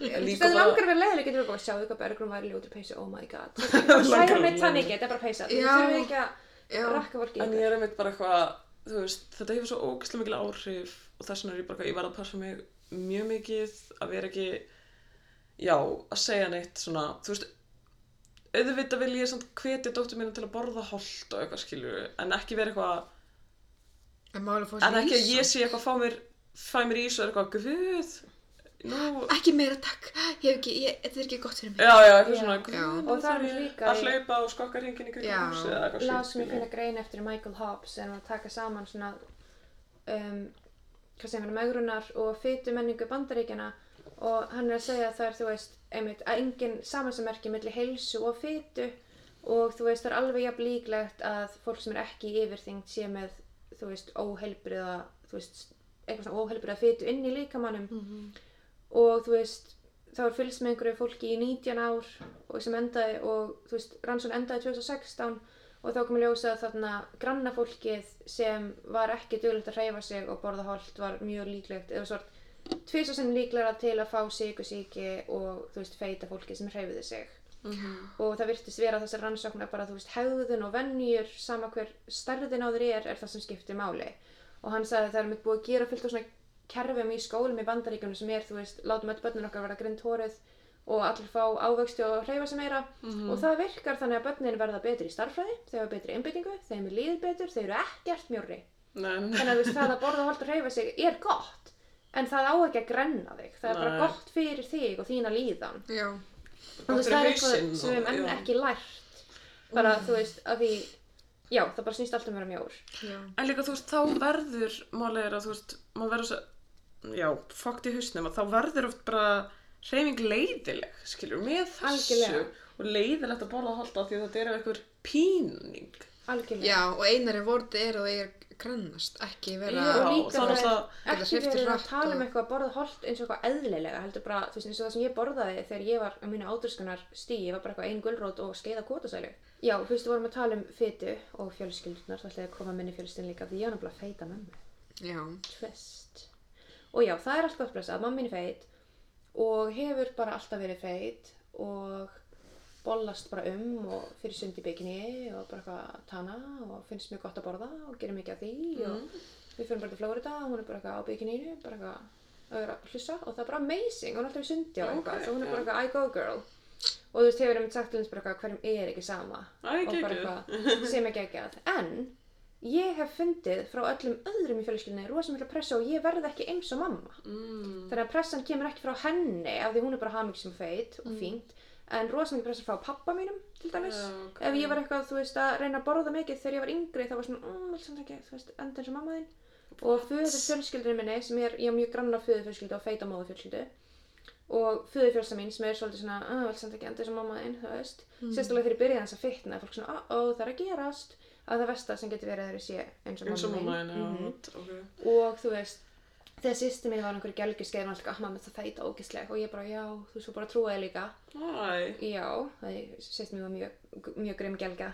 Hún er mjög betri í dag. Já, já. nú er sýstu mín próf feita all the way en já, og svo leiðis náttúrulega bara líka rættir frá samfélaginu og svo rættir frá móðurfjölskyldinu þar sem allir eru feitir og alltaf í megrun nema mamma mín Já. Þú veist, er allir búin að fara í magamingun eða prófa þannan kúr og þannan kúr og ég hitti sískinni mömmu og þau eru annarkvort, þau bara jójó eins og móðurfokkarar og þau eru aldrei ánægð. Það eina sem þetta fólk gerir er að tala um mat og hvað það er mjótt og hvað það er búið að grennast og þetta er bara obsession og þetta er ógæðslega sjúkt. Og ég er bara svo óslega feina mamma mín sé ekki svona. Svo er sýstir mömmu alltaf eitthvað, æ mamma, en samt ekki að hún þurfti bara að fara í magamingun og ég eitthvað, þurfti hún ekki bara að eiga betra sýstur? Þig, já. Það er ekkert að henni, þú veist, come on. Já, þú veist, oh my god, já, ég var að mynda að hugsa, já, ég náttúrulega glemt að segja mér þessari sögu, þú veist, með mömmu, þarna á spítalrúminu, og hún var eitthvað, þarna, eitthvað, af hverju var ég alltaf að pæla svona mikið í í megrunum, Mm og svo var hún eitthvað, núna er ég grönn, Já, af því hún var að deyja, skilja, Já, einmitt. nákvæmlega. og hún bara eitthvað, það er ekki gamm að vera grönn, Nei, emmitt. eða þú veist, Og það er einmitt eitthvað sem við gleymum svo oft. Þú veist, ég eittir á svo miklum tíma sem, þú veist, barn og úlingur. Ég er bara svona að óska mér, þú veist, hugsa hvað ég myndi gefa upp, eða svona á bátinn, fyrir að vera mjó. mm, Og það var basically allt. já, Þú veist, ég myndi gefa upp á bátinn bara almenna heilsu. Ég, veist, ég hugsa alveg að ég væri frekar til að vera alltaf veik og vera svo mjó. Og þú veist, það var ég hugsa eitthvað sæku eins og bara, ég myndi, þú veist, frekar, þú veist, vil, þú veist, þurfa alltaf að kúka í mig en vera svo mjó. Eða eitthvað bara, þú veist, Já. hvað sem er. Ég hefði bara gert hvað sem er til að vera mjó. En ég var samt ekki feit, notabene. En ég var samt, þú veist, náttúrulega í þessum, þú veist, fjölskyldaðastæðum, þessum hérna rosa mikið eitthvað tala svo mikið um fytu. Og þú veist, mín stærsta ógn á að verða eins og mamma mín, Mhm. sem er alltaf þarna, þú veist, það er mjög erfitt að kombata þessar tilfinningar. Og ég hef ekki alltaf verið bara, hvað, mamma mín er aðeinsleg. Ég tók alveg tímabil sem ég skammaðist mín fyrir að eiga feita mömmu. já, Þú veist, að því bara samfélagið er þannig. Og ég sem betur fyrir ekki þannig lengur en þú veist, En líka þú veist alltaf að heyra þetta, en maður heyri þetta pluss og bara allt samfélagið er með endur Já. þessu blammingar. Já. og þú veist, ég vissi alveg að það var vandræðalegt að ég feita mammu þú veist, sem er í fimmtabæk og það er bara vandræðalegt. Og já, Svo líka, þú veist, þið verður ekki oft séð svona að bíómyndra sem er eitthvað, eitthvað, if, if your mama is hot, you know, it's já, einmitt, það var svona verið, þú veist, að passaði á þessari gælu, hún á feita mammu, hún eftir að enda eins og hún Já, og já, já, akkurat. Mjög oft í svona bandarísku myndum. Já. já, En líka bara, já, þannig mér stað með hafa mikil áhrif. Og það er einmitt eitthvað sem um, svo við breytum svo aftur í The Shop Show. Þá þú veist tók ég tímbil einmitt bara frá því ég var svona sex ára sem fannst fyrst vera feit og fannst ég bara alltaf vera feit. Þetta er sex ára. það er fyrir hún sko Mm. og en þú veist ég bara mynd maður þetta svo mikið að ég var með rosalega grönnum stelpum í bekk bara eitthvað svona tilfallandi og ég var feit en þær og þú veist ég var alltaf ekkert feit en þær ég var bara með öðru sér vakstalag ég var bara þykkar en þær. Einmitt. Og bara per, ekki svona perulaga, eða eitthvað þannig, ég var alltaf verið frekar perlega Já. og þú veist, svo bara einmitt var þetta gegnum öll úlingsárin, þá var rosa mikil þú veist, pæling í þessu. Og þú veist, allt einhverja meðgrunar og dót og það var líka bara stutt heima hjá mér. Þú veist, ef ég var eitthvað ég vil fá kort í rektina og ég borði ekki þetta, ég borði ekki þetta, ég borði ekki þetta, ég borði ekki þetta, það var alltaf bara já, flott geggjað, þú flott þér, þú hugsa um heilsuna sem ég var auðvitað ekki að gera, þú veist, ég var að hugsa um vantilega sem útlitið. meðrunina og þú veist gekk alveg þannig lengi lengi og eins og svona gegnum mentaskólaárin þú veist þá var ég bara ekkert að borða eða þú veist að borða og kasta upp og eitthvað svona svakadæmi og svo mitt jafnaði mig á þessu og varð frekk feit af því við vitnum í rannsóknar þá svona er líka mér búin að vera í svelti ástandi frekar lengi og var mjög peppaður að fá að borða. Það var bara eitthvað, hvað er hérna bumban mín. Og það voru bara ekkert mjög jákvæð viðbröð við því. Ég var eitthvað svona mér er batnað. Þá er eitthvað, er þetta bumba? og Já, akkurat, já. og viðbröðum eins og ein vinka minn sem ég sagði ég var ekkert við vorum í heita bottinum og ég var eitthvað svona, mm, kannski ég að vera svona plus size model af því ég var sæt en feit. Og hún var eitthvað mm, eitthvað svo gett óþægilega svona eitthvað, já, en mér finnst þetta bara ekki vera þú. What? Af því þú veist, ég er ekki ég ef ég er feit, ég er bara alveg veru ég. Og það er mjög sjöfn inn í mér að byrja að komast út við En bara líka átt þú alltaf að vera eins og þú varst þú varst, þú veist, ég veit ekki, Ég var 16 ára eða eitthvað, skilur og það er líka mitt viðbrun er ekki, ég er, þú veist, greinlega ánum með mig, ég er ekki, ég ætti að vera mótur en viðbrun er ekki flott að þú sett ánum með þig. Viðbrun er, er þetta samt þú, þú veist, ég líður greinlega ekki vel eða þú ert feit, ég er svona, ég er að borða Af því þú hefur á verið það áttu bara að vera að grannri, til, þú veist, 25 ára eða eitthvað. Já, má ég skjóta inn ég átti bara nýlega hérna samtali við vinkunum mína um, um sérst stelpur við þekkjum báðar sem hefur fitnað og hérna og við vorum svona velta fyrir okkur bara hvað hefur verið í gangi eitthvað svona og ég sagði kannski líðinu bara betur með Já. grunnan líður bara betur og vinkunum mín var bara já, ok, styrla að maður hugsa alltaf öfugt og ég var bara, Já, veist, þetta er bara eitthvað sem ég hef lært að svona prógrama í. Algjörlega. þú veist, að hugsa, já, kannski líður mannskinni bara vel. Já, og hún er sátt, þú veist, ég veit að hún, henni líður, ég veit að henni líður andlega betur. Mhm. og þá svona gæti ég sett samsammerki einhvern veginn, já, kannski var hann búin að svelta sig neitt áður og Já, eitthvað. já, já, þú veist, ekki. en þetta er, líka ekkert hvaðan fólk er að koma er nákvæmlega. eitthvað- en þetta í kringum mig og mína barnasku þá var, þá er, og í fjölskyldunum minni það er öfugt, sko, það er sagt ef lítur vel út, þá líður vel Mhm. já. það lítur vel út eftir færunastöðlum já, þú veist, ef þú ert grönn, þá líður vel, Mhm, Algjörlega. já, já. Og það er myndið að þið sjáu mig einhvern tímann vera mjög mjóa, þá er alveg bókað mér líður ekkert rosa vel að ég er að svelta mig. Það er eina leiðin fyrir mig til að vera eitthvað sérslega grönn, já, þannig að þá er ég mjög svöng, þannig að passi ég borða ykkur ekki. og mér finnst einmitt gaman að taka eitt kvót frá Naomi Wolf sem er svona alltaf problematic fave. Jú, jú. Um, sem er A culture fixated on female thinness is not an obsession about female beauty but an obsession about female obedience. Já, og mér finnst þetta Mm, segja svo mikið að þetta er svo mikið svona þú veist, öll þessi orka sem við þvingar til að eyða í að reyna að halda okkur í líkama 16 ára táninga Mhm. er ótrúleg, þú veist, það tekið svo mikið frá okkur bara heilastar sem er orka og líka, þú veist, við erum að vana nær okkur sem mun, þú veist, gera minna úr okkur já, sem lætur okkur geta hugsað minna. Og svo líka ef við dyrfumst bara stíga fram á því almenna svið þá er almenningur svo harður. Þú veist, gaggrinn er svo rosaleg. Þú veist, Já, þú já. stígur fram og það bara ráðist á útlitið fyrst og fremst. Þannig að þú veist, það er ekkert skrítið að það er búið að kenna allum að hafa svona þá þú veist, þurfa konur að taka minna pláss og vera minni og vera á færri stöðum. Og við erum búin að útiloka rosalega mikið af röddum sem við munum aldrei heyra því við neytum að hlusta á fólk sem lítur einhvern veginn ákveðið út. Já. Satt og það er bara og- svo ljótt og skítugt og umrætt og leðilegt Mér finnst þetta rosa gott kvotið mitt, þú veist, ég Mhm. hugsa mjög mikið um um þetta sko, þú veist, Já, og ég myndi eins og mamma Dínu sagði bara þessi orka sem fer í þessa megrun já, og þetta skiptir ekki alveg ekki máli. nei, Þú veist, þú ert alveg búin að eiginlega margar stundir, góðar Já, stundir, einmitt. bara, eða bara gott líf, skilur við. Algjörlega. Mhm. Bara ef við ætlum bara að horfa að þannig, ekki bara eitthvað, Líka þegar maður eitthvað, bara geta liðið líf. vel eins og ég hef, þú veist, verið á ströndi í einhver útlandi og verið bara eitthvað skítið um að mér styrir að feit í bikini og get ekki fara að synda í sjónum. Þú veist, þannig er ég, þú veist, búið að eiginlega fyrir mér heilt frí, já, þú veist, út af þessu samfélagi stöðlum. Og líka, þú veist, ég hugsa oft hvað ég vorkina óslega mikið frægum konum sem eru, þú veist, actually verið að horfa á, af því ég hugsa rosa ofta að það góða er að það er actually enginn að horfa á mig. það er ekki eitthvað að að taka myndi, já, ég nota það stundum til að svona róa mig, ef ég er eitthvað svona að ég er feit og hugsa ég, en það skiptir ekki máli, en það er enginn að horfa, Já. en þú ert bara andlit í sjónum, þú veist. En Mhm. ég get ekki ímynda mér, ef ég væri, þú veist, fræg, ég myndi öll bara vera búin að fremja sjálfsmorð, Já, bara út af bara útlitskomplexum, sko. já, Og þess vegna líka eins og ég baði ykkur að kíkja á frægar konur sem hafa verið dissaðar fyrir líkamsvöxt, hvort sem eru feitar eða ekki. Og þú veist, það er rosalegt að sjá bara, ef maður kíkir á hvernig það er gegnum tíðina, sem munist þér þegar Jessica Simpson já, var ekki eitt kíló heldur eitt og hálft kíló og það var talað um hann og látið eins og hún væri bara á sko- stærð við fjall. Þeir voru sko að velja líka bara að geta unflattering myndir af Líka henni. Þegar maður það. skoðar þetta aftur tilbaka. Þú veist, það er mynd tekin alveg upp undir hana svo hún verður sem með smá undirhaugu eða eitthvað. Já, Og þú veist, þetta líka, hún er bara ekkert nei, feit. bara eitthvað. Og það hún var, var eitthvað size 5 US, Já, eitthvað, og grönn, meðalstæð kannar skilurðu. 12 til 14. Einmitt, Þannig að hún er ennþá undir og ég mynd man líka, það var kona sem skrifaði eða tiktokkaði um þarna feitar konur, eða konur sem kallum feitar og hvernig það liti út í alvörunni. já, einmitt, ég ætla að nefna Voru líka það þennan fyrir TikTok að ganga að mjög, mjög góður. Er ég að meina hvað það segir? Er það sem ég á það? Ég veit það ekki. Ég er ekki viss hvað þú horfir á. ok, sorry, alltaf. Hérna, nei, en þetta var basically bara, þú veist, að hún var að skoða einmitt eins og Jessica Simpson og hún sagði í minningunni, henni myndi Jessica Simpson hefði verið bara algjör hlussa Já, bara að tala um hana þannig. Svo Skoða myndina. ég svo skoða myndina og var eitthvað, já, ok.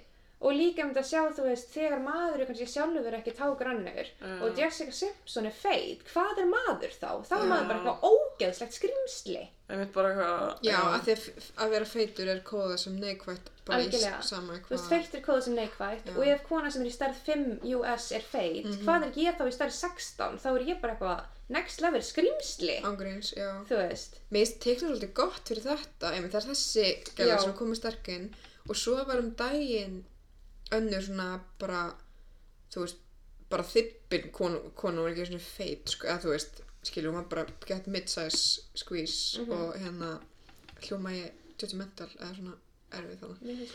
Mid-size. Já, bara ég veit er ekki, hún er bara, sama stærð, kannski aðeins feitur en ég eða eitthvað og bara eitthvað svona gett vennileg og er að tala um, hérna, það er eitthvað svona trend á TikTok eitthvað að mjög grannar skvísur sína Mhm. sem magan og eru bara, veist, svona neðist svona fyrir ofan lífbennið eitthvað svona, eitthvað þetta er ekki fita, þetta er bara your uterus og hún var eitthvað en, ef þetta, þú veist, en ég líka bara með fitu utan um það, það er alltaf lægi og ég get ekki að snerta með magan núna þú veist, Eitthvað. Nei, bara þú veist, það er að struka sem Já, þú veist, að það er bara eitthvað svona, ok, þú ert með líffæri, þau þurfa að komast fyrir. Já, vissilega. Já. Já, og svo ertu með fytu utan á þeim, þá er það hræðilegt, skilur við. Einmitt. Bara nei, nei, þetta er bara leiði mig. Einmitt, bara ákveðin hlutur er leiðilegir. Það er ekki alveg fita, þetta var bara leiði mitt. Já, Bara en hvað með þetta er alveg fita, það er alltaf leiði, ég er náttúrulega manneskja. Það er alltaf fýtu og það eiga allra að vera með ykkur að fýtu. Já, það er mjög slemt að vera ánennar. Ringi ég bara í Zac Efron og spyrja hvort um leiði hans að borða kólvetni. Það var ekki vel. nei, Flott fyrst. En ég var líka hérna, að bara allar þessar leiðir eitthvað, gerðu bara svona, eitthvað, það, þetta er alltaf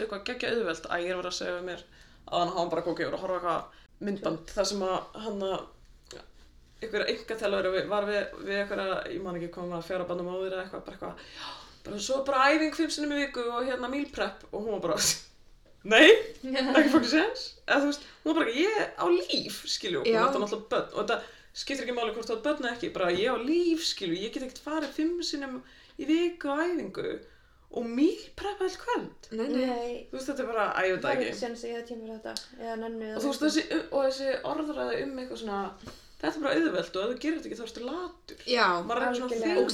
Og þetta er einmitt annað sem ég reyf út að greina sem Michaels Hobbs er að hann var að tala með læknar, þú veist, eru umlega feitt fólk og svo líka, þú veist, nota þessu umlega taktík eins og þegar einhver, þú veist, fjara barna móðir sem vinnur tvær vinnur og ekki pening er eitthvað feit, þá er eitthvað ég veit hvernig þeir hafa ekki tíma til að gera kvöldmatt ég er í tíu tíma á dag á spítalunum Já, bara Fyrir- að segja það. Sau- 70 miljonur á ári og þeir eru bara eitthvað fokka þeir fá þetta ég ekki hlusta á þig En þú veist, það að tala um eitthvað svona, já, einmitt, eitthvað svona, að ég veit ekki, meal prep, eitthvað skamta í eitthvað fucking box og eitthvað, þetta er bara, sorry, er þetta ekki bara sjúk hægðun? Ég menn, þetta er ekki eðlilegt. Nei, þú veist, þetta er mjög að þú ert ógæslega skiplega manneski og elskar að hafa allt tilbúið og finnst það fínt, þá bara og flott líka, að þér kallum þetta bara sem þetta er, nesti. Já, ég Það er elska reyndar það Ég elska það Nei, þessi gufisóni kjúklingur og brokkoli, skilur, come on. Þú veist, það er þetta Já. meal prep sem ég er að tala um, skilur. Já, Ég er bara auðvitað að taka þetta næstu með sér í vinnuna. Já, ég er að djóka, ég er eins og snótur, Já. sko, bara... Já, en ég elska samt að þetta verður meal prep, meal prep og ég hugsa að þetta er samt til að gera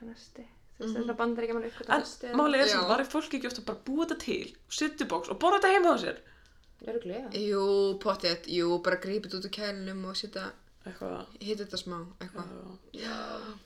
En þetta er samt góða punktur, sko. Akkur þarf alltaf að vera eitthvað svona ennst orð yfir eitthvað. Já, Já, það- líka gera alltaf einhver svona trendi Já, þetta verður svo mikið lingo og þú veist, það er það sem að, einmitt líka þessi dæetinnar vill, þú veist, Já, eitthvað svona að þú kaupir eitthvað sérstök box og átt kaupa föt frá einhverju ákveðni merki og það lúka svona og svona, þú veist, það, það verður alltaf Og eitthvað matvinnslu vel sem eitthvað já og Einmitt. preppi, þú getur ekki bara sett einhvern kjúkling í plastboka, það þarf í svona boxi og lúka og teka myndir. Og Já, já, Já, svo var ég líka að skoða aðra hluti er oft þegar talað um fytu og það er hérna að 40% af hennum vestrann heimi er núna flokkaðir sem í yfirþyngd sem er auðvitað a léleg mæling. Já, en þú veist, fínt að notum það bara sem dæmi þú veist, 40% af fólkinu í vestrann heimi er bústið. Hvort sem það er helbritt eða ekki helbritt, bara mjög með einstaklinga sem er, þú veist, þú veist mjög há prósenta en við erum samt með rosalega fordóma fyrir feitu fólki.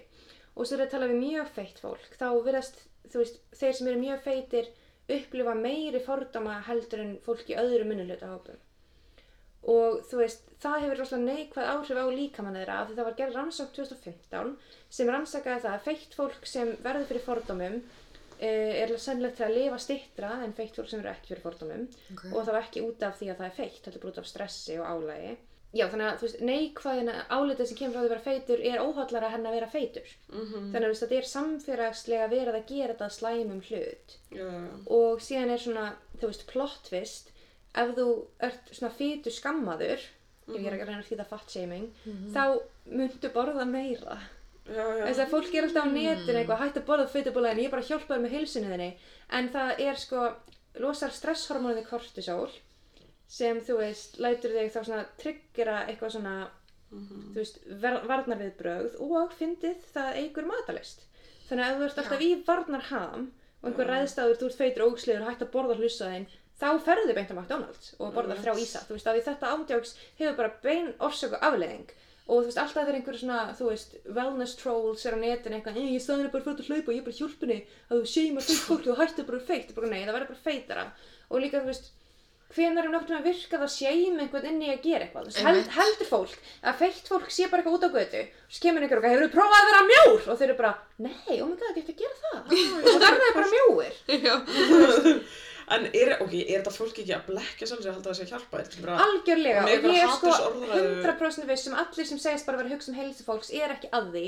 Af því þú veist, ég til dæmis reiki það var engin okkur tíma komið upp með mér og sagt mér hægt að reiki að það er gott fyrir lungun mín. Að það er allum sama um heilsuna mína. Já, og það er Mm, málið, ok, það sem og- Michael já. Hobbes segir svo oft, veist, já, þetta snýst ekki um heilsu, þetta snýst bara um, stjórnun. Já, það snýst bara um stjórnun þetta er bara af því ég valdatæki. segi eftir Bergrún fyrir setjum á barinn aldrei nokkuð tíma komið einhver upp á henni og sagt eitthvað að virkilega fá þér annan bjór sko þú ég, veist, þetta er ekki gott fyrir lifrina þína nei, það gerist ekki ég er að pæli, sko, ok, þetta getur þetta verið bæði. Hvort er þetta?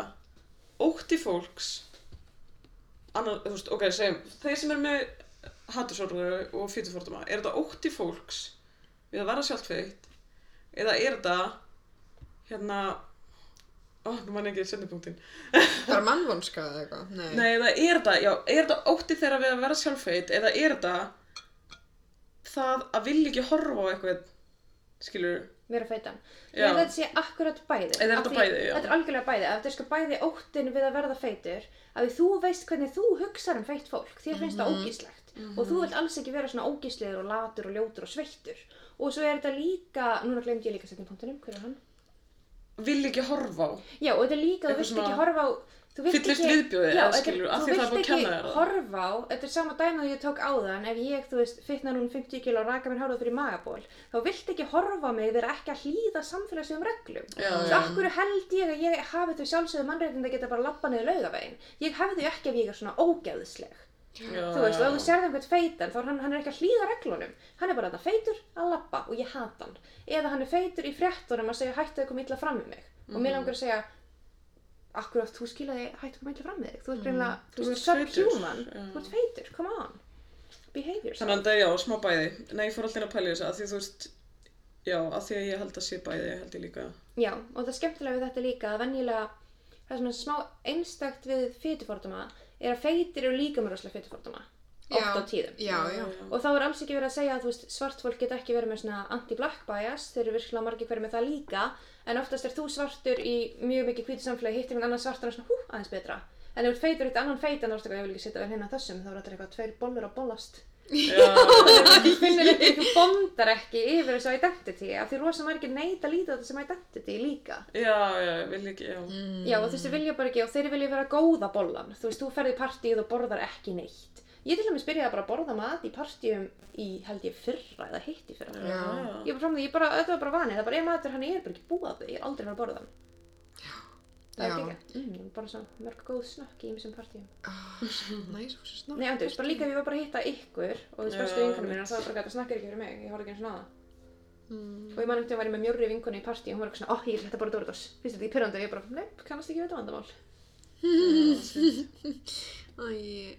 Já, fann. Og hérna, já, þetta var það sem ég vil segja að feitt fólk er ekkert alltaf með hvort öðru í liði. Að það er líka að taka þátt í þessu niður yfir. Af því að þetta er auðvitað bara, þú veist, leggst á sálina. Þó að ég til dæmis sem ég sé ekki ekki feitt og ég veit alveg að ég sé ekki ekki að klára skemmtileg. Það er mjög erfitt að halda áfram að trúa því. Þegar allt í samfélaginu er að segja mér að ég sé bara human failure. Já, að þú veist, ekkert sem ég gerir skiptir máli. Og rosa mikið að feitu fólki þú veist, tekur þessi dæmi sem þarf að býða eftir að vera mjótt til að geta gert eitthvað eða til einhverjar, þú veist afreg skiptir máli, þú veist, þú ert kannski komið með doktorspróf og búin að eignast þrjú börn og kaupa rosa stórt hús og fara upp á Mount Everest en ef þú ert feit þá skiptir þetta ekki máli, þú ert alltaf bara feit Já, þú veist, þá er ég alls ekki að segja allt feitt fólk sé þannig, það eru mjög margir feitir aktivistar og feitt fólk sem elskar sjálft sig en rosa margir, það er svo mjög mikið ítt ofan í meðan stanslöst og það er mjög Já. erfitt að vera alltaf að synda móti strömmnum já. ég er einmitt Já, bara, bara eins og í fréttamilum, þú veist, þegar við tala um, veist, já, svona, svo mikið af mennskun, þú veist, þegar við Mhm. tala um kannski um eitthvað svona, já, hvort það sé offita eða eitthvað, þú veist, þá er sýndir líkamar, feitir líkamar ekki með haus. en er það ekki svona líka eitthvað mátt ekki, eða, ég veit ekki. Já, en þú veist, akkur það er sína feitir líkamar, okkur gefur sínd eitthvað tjörnina eða eitthvað, skil, Já, nákvæmlega. Já, það er einhvern veginn að, að því að, já, Þetta er rosalega afmennskandi. Ég er einmitt oft bara hvað, hvað, er það bara að fara eitthvað út í bæ og finna fólk til að taka mynda? Já, En mér er svo slemt líka hérna, eða svo ógslag toxic sem náttúrulega allir vita það skilur, en bara þessar fokkin fyrir og eftirmyndir. Mhm. já, Þú veist það, ég er bara eitthvað svona, sæðilegt. þú veist, veit fólk að líka maður breytast og ég geti verið með öðruvísi líka maður til viku, skilur. Mhm. Mm Já, já, líkamann manns er ekki eins allæfi. Og ekki eins og eins yfir allan daginn. Nei, Þú einmitt, veist, hann er öðruvísi á mótnana versus á kvöldin. já, eða bara Já. þú veist. Æ, ég veit ekki, ég er bara, ég get, veist, ég er oft bara fyrir hvern er þessi fyrir og eftirmynd. Já, Þú veist, sem er alltaf ekki tímur núna en eitthvað svona fyrir og eftir eitthvað batspurð, bla, Já, og ég er bara eitthvað, fyrir það. hvern er þetta, akkur er Já, þetta, fyrir hvernig er þetta? er óslega góð spurning. já. Fyrir hvernig er þetta? að því ég er bara eitthvað svona það, Já, og þú vilt kannski, þú veist, ég meina, þegar þú ert líka búin að vera, veist, ganga með barn og líka með búin að ganga í gegnum það, það þrekvirki að fæða barn út um fucking píkuna þér, skilur og svo ertu först, þú veist, með barn, svo ég tala bara um, þú veist, síðast konur, þú ert först með barnið í, í rauninni, þú veist, í, já, í brjósta, brjóstagjöfinu á því allir skilur og svo langar það að fara að hreyfa það aftur, já, flott. Og þeir langar kannski geta, þú veist, hlaup, þú veist, gera alls konar. Og bara það er frábært. En ekki stilla því upp sem eitthvað svona fyrir og eftir að ég var feit, eða, þú veist, Og líka, þú veist, Já. þetta er eins og Michael Hobbes talar um, þú veist, helsa er bara ekki það sama fita. já, nákvæmlega, það er bara alls ekki sami handlegurinn. Handlegurinn, nei, segi nú það, jú, allir eru og ég skildi allavega að koma myndir, já, það maður Já. segja það örglega ekki, en í mínum, mér til varnar er ég mjög feit og þar með heimsk. Nei, nákvæmlega, það er svo mikið af, þú veist, ég er ekki hraust, skilur, ég mér fokking illt í bakinu alltaf, lilla. skilur, og ég er ekki, ég get ekki liftið inn á 5 kílóðum til að bjarga lífið mínu, skilur, og svo er feitt fólk sem getur gert bara miklu, miklu, Miklu, meira meira, heldur en ég já. náttúrulega. Ég þekki alveg fullt af fólki sem er, þú veist, feitar en ég líkamlega skilur en er bara miklu hraustar og hefur verið í íþróttum sem börn og eitthvað og ég var ekki í íþróttum sem börn, börn sem börn. Sem mörg börn. Ég var börn. Þrjú börn í frakka. Þegar þið komast inn í bíó. Það sem ég vil skilja hlustendur eftir með er að skiptir enga máli hvort maður er feitur eða ekki. En það skiptir samt máli. Skilur þið? Mhm. Af því þú veist, það skiptir ekki máli, þú veist, þú ert mikils virði og þú ert frábær manneskja. En í þessu samfélagi þá er verið að rífa þig niður og það hefur neikvæð áhrif og það er ógislega erfitt eins og ég segi bara að brjótast á móti á hverjum degi. Já, En uppáld mitt til að lifa er bara einmitt að þú veist hlusta á feit podcast og vera á feitum Instagramum og vera ekki á mjóum Instagramum já, eigið þessum mjóu Instagram. og ég til dæmis er búin að breyta algjörlega fegurastöðlunum mínum bara með Instagram ég veit að hljóma fárunlega en ég er að fylgja bara feitum og búsnum þú veist, aktivistum og mótilum og svoleiðis fólki og það er bara andurs breytti hvað mér finnst fallegt sem er óslega jákvæmt fyrir mig sem bara körfi gælla þá er mjög gott að horfa á þannig hluti Þú veist, það er úrslega, minnst það úrslega sniðið tjára að hafa fyllt einmitt. Um, ég veit ekki, Já. bara svona, þú veist, fólki bara, alls, alls konar fólki, Já, skilur. hún bara fakkar í fítinu, þá breytir þessu. Og hérna, og það tekur alveg tíma líka að fara að finnast þetta fallegt, að maður er heilað þvegin. Já, Þannig, þú veist, það var alveg tími sem ég þurfti að eyða. En þú veist, já, tími, þessi já. verði. Ég er alltaf í eitthvað, erum við með eitthvað, e, e, engin kvikmynd eða þættir sem er eitthvað svona jákvætt. Jú, ég ætla að hoppa í það. Ég ætla Ok. að segja að jákvætt myndi vera My Mad Fat Diary, eru Oh my god, það er þættir. geggjar, ég Ég elska veit það. það, sem eru geggjaðir. þættir og aðalgellan þar er feit, ekki vinkonan sem er feit, heldur aðal er feit, áfram þau og er bara tala um svona, þú veist, úlingadæmi og tilfinningar og bara ósla raunsætt og fallegt og þú veist, fitan er ekki nummer 1, 2 og 3 Og Hún líka bara- bara eitthvað, er ekki að skotin í sætagæðinum og eitthvað. Og hann er skotin í henni. Já, ok, erum við að spoila kannski, nei. og því það er heldur ekki amazing, þú veist, fólki er skotið í feitum konum Já, og svo er ég líka hérna Dumplin sem ég veist ekkert eitthvað besta mynd í heim Já, það er er ekkert aðeins en ég ekkert á degjurinn ég held að ég sé ekkert endilega markupurinn en hún er rosa Mm. fín og með fína fytu rep Mhm. og með, með þetta skadlega kemur frá mömmunni sem alltaf er meðunarsamkjöndum og mm. meðgrunarsamkjöndum já, Ok, satt! Ok, fegurarsamkjöndum sem eru basically er er mjög viðeigandi. svona. og svo vil ég líka mæla með bókinni Flæðarmál á Storytel sem Já. er feita aðalpersonu takk fyrir já. Ok, ég hlusta á þessu bók, hún er geggju. Er það ekki? Ég, Jú, ég á hlusta bara hálfa og lendi ég klára af því ég skrifaði hana Já, ég hlusta hana, ég glift hann í mig. Ég var að reyna, ég var að reppa smá svona, eins og við værum það. óaðir aðilar hér. Já, Já, við erum ekki óháðar, en við mælum samt með, með bókinni hún er Man þarf ekki alltaf að sko. óaðir aðili. alls ekki og þetta er eina sem ég sko, mér langar að tala um hérna Brittany Runs og samt, sko, Amazon Prime. Mhm. Og sko, við, við fýlum ekki Amazon, en ég var með Amazon út að ég bjó í Hollandi og var alltaf ein, þannig að hérna, ég horfði á hana þar. Og En það var, frekar það bara dándanni. ólöglega já, já, og hún er, allegedly og hún er um, um feitakonu sem að lifa með óheilbriðum lífstíl og svo gerist eitthvað þegar hún ákveður að hlaupa marathon og þú veist, þetta er ekkert eitthvað sem þú veist, hún er kannski ekki alveg eitthvað fullkomin svona fitur representation en þú veist, Mhm. hún er samt bara þú veist, þetta er svona góð þráður inn í, inn í gegn, þú veist, þetta Ok. snýst ekki um þú veist, að grennast heldur bara svona að koma lífinu sínu í þú veist, gott horf Ok, og þú fíla. veist, mér finnst þetta okay. áhugaverð mynd já, sko. ég ætla líka að mæla með Shrill sem eru þættir með Eddie Bryant í aðalutverki mm. sem eru byggðir á bók sem er bara feitgjala að lifa lífinu og þetta er bara svona romantíski gamanrættir um aðalgjálinu feit og þú veist, aðaleikonan er actually feit og Já, bara, þú Bara veist happens to be, ekki eitthvað. Já, þetta er bara fínu þættir, ekki ekki búið að klaga og bara fínt rap, Mhm. bara you go girl. Já, það er líka með þetta kallað, þú veist, grannar konur feitar sem ekki þing líka í myndum. já, Oh god, að- Love Actually. Já, að Love segja það? Actually, ekki að Já. segja. Mhm. Það er bara mjög grönn og venjuleg kona að kalla feit. Svo er líka myndin The Duff sem stendur fyrir Dumb Ugly Fat Friend eða eitthvað. Og það er hún Já. May Whitman leikur þar feita óslega gjallu og May Whitman er eins og leikonum sem er mjög grannum með kringlótt andlit eins og Brittany Murphy Já. þannig að þau leika alltaf karaktera sem er kallaði feitir þau eru með kringlótt andlit Það var einhver tímabili mitt sem Já. Hollywood í svona 90s Já. og var alltaf Svo með kringla andlit, það var bara, hún er svona, æ, feit hún er feit, já ég og svo er Anne Hathaway í Devil Wears Prada Já, góður. já, hún var svo rosalega feit Já. hún var stærð fjögur eða tvö eða eitthvað Mhm. svo er Amerika Ferrara í Ugly Betty Já, er já. Ó, ég elska að glippa þetta.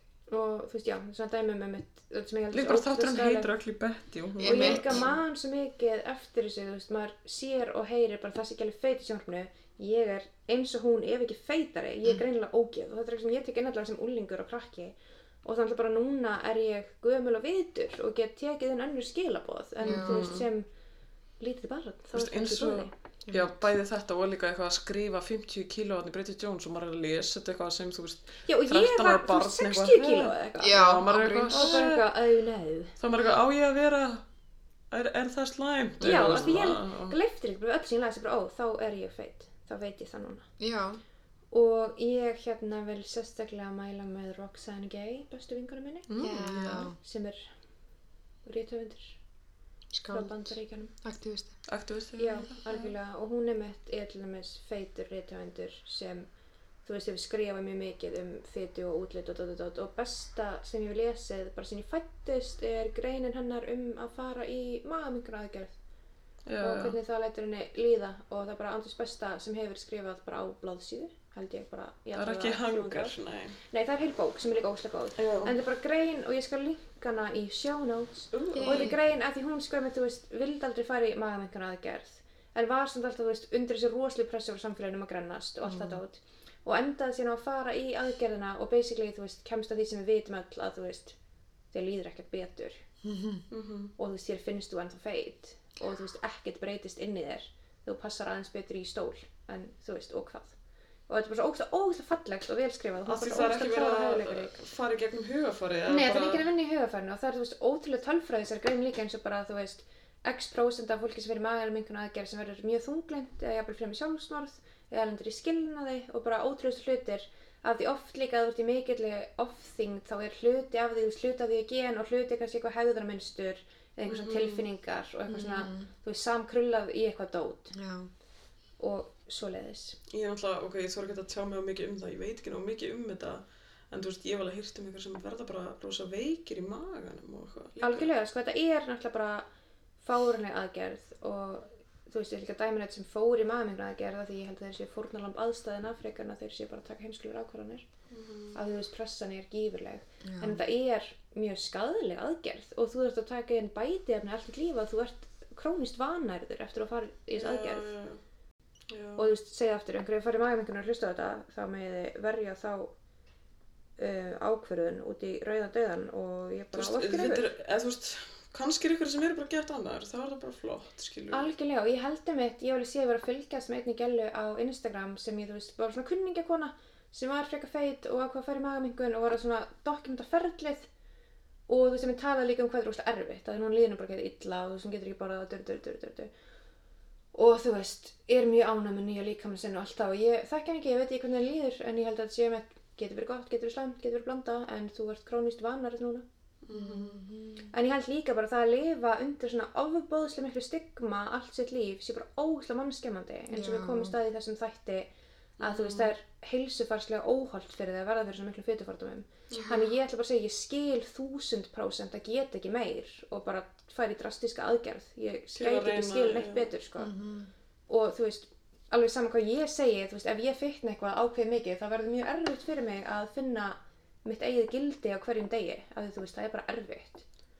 Þú veist, það er óslega erfitt fyrir mann að lík, þeirra líkum mann spreytist, af því að Mhm. líka bara einhvern veginn samfélags, ég veit ekki, er það ekki líka samfélags segir manni að þú veist, maður er einhvern veginn að vera svo stöðugur og Já, og líka samfélag leggur sem ekki upp á því að þetta ert þú. Þú veist, hvernig þú lítur út ert þú. já, Sem er ekki rámt. Af því þú veist, ég líti ekkert eins út og ég gerði þegar ég fættist og ég mun ekki líta út eins þegar ég er 70 ára. nei, Þú veist, ég var sem um þá ég. já, Þú veist, þannig ég er alltaf að fara fyrir mismöndi líkamum. Þú veist, ég er búin að vera í heilmörgum líkamum hingað til. Já. En ég er eitthvað Ég svona, en þú veist, það er náttúrulega mest í forduminn náttúrulega þegar þú fitnar, Já. en ekki, þú veist, ef ég myndi fyrir með varafyllingar eða eitthvað, breyta líkum mínum þannig, Mhm. skilur Mm Eða ég veit ekki, fá mér brjóstastækkun eða Já. eitthvað, nei, þú varst ekki svona. Mm, Já, það er alltaf einhverjir sem er eitthvað æbrjóstasækun en flesti verður bara eitthvað you do you girl Já. og sama með þú veist að vera feitur þetta er svo rosalega með öll þessi rosalega neikvæðni sem er að mæta bara hverjum degi. Þú veist ég skil alveg vel að það brjóti fólk bara niður í ekki neitt Já, Já. þú veist að því það eitt bara ég er þú veist ekkert það feit. Ég hef verið aðeins feitur en ég núna og ég hef verið mjórri og það er samt bara þú veist erfitt að finna gildi og virði og hluti. Þú veist ég ætla ekki að segja mig sé alltaf bara hvað ég er gæka sexy. Þú veist ég er alveg stundum. En ég þarf líka ofta að minna mig á að það skiptir ekki máli. Já. og líka þú veist minna mig á að þú veist hvernig ég líti út skiptir engu máli. Þú veist það skiptir ekki máli alvörinu þetta er allt liðar En það er náttúrulega, þú veist, ég fór að hugsa núna bara, veist, bara það, þú veist, þið, sem get ekki fundið föt á sig, skilur. algjörlega Þú veist, það get ekki fundið föt á sig út í búð. Þú veist, auðvitað farið bara eitthvað, ég fæ ekki vera til, já, skilur, ég fæ Algjörlega. ekki tilveru rétt. og Já, þetta er eins og við vittum nákvæmlega. aftur í þú veist það sem þessi prófessorar sögðu um þú veist representation sem er byrtingamyndir þú Mhm. veist byrtingamyndir sem við sjáum þær eru að segja okkur hvaða fólk má útskúfa. Og hvað ekki. Já, og þú veist við erum að fá þau skilabóð að feitt fólk rétt eins og fatlað fólk sé ekki hluti af samfélaginu. Af því það er ekki neitt fyrir það. Nei, það er ekkert fyrir það, það er ekki aðgengi fyrir fatlaða og ofta ekki heldur aðgengi fyrir feita þegar margir feitir að nota einhver svona mobility aids. Mhm. og þannig dót eða þurfa þú veist sæti sem eru öðruvísi. Eða bara pláss, þau þurfa bara pláss og þau þurfa að komast í föt og dót. Mhm. og alltaf sem er bara ekki í búði og það er alltaf litið á það sem þér að kenna. Þú veist, ef þú ert svona feitur og það er stærri stól fara þá í meðurinn hlusta þín sem er bara ljótt og leðilegt og þetta er aftur bara þú samfélagsleg byrði að þú segjum sem svo að ég myndi núna uh, missa báðafætina og fara að nota hjólastól þá myndi ég örugglega, þú veist, finnst hjólastólar alls ekki slæmir, þú veist, fattar hann ekki slæmir. Ég myndi örugglega vera af og til pyrrað að geta ekki labbað því ég er svo vön að labba. Mhm. og þú veist, myndi lenda, reka svo vilt af samfélagslegum þú veist, hömlum, ég kæmist mm ekki inn í þessa íbúð. Já, og sama gildur ef ég myndi fitna núna bara um 200 kíló bara búm. Þá myndi ég, þú veist, vera með eitthvað limited mobility bara sögum fytu og þú veist, myndi alltaf pyrra mig stundum og ég er ekki æja þreyttari til að labba upp stigan en það myndi aðalega pyrra mig að þú veist komast ekki neinn staðar fyrir Já. sem ég er vön að komast fyrir. Þannig að þú veist, allt þetta með þú veist, það að kvótan kvót get ekki labbað eða vera með eitthvað svona fytu tengt limited mobility þú veist, er aðalega bara vandamál út af samfélaginu. Þú veist, auðvitað myndi mér finnast af og til pyrrandi að geta ekki bara hoppað á klóstið en aðalega samfélagið. Já, já, já, þetta er að þú veist,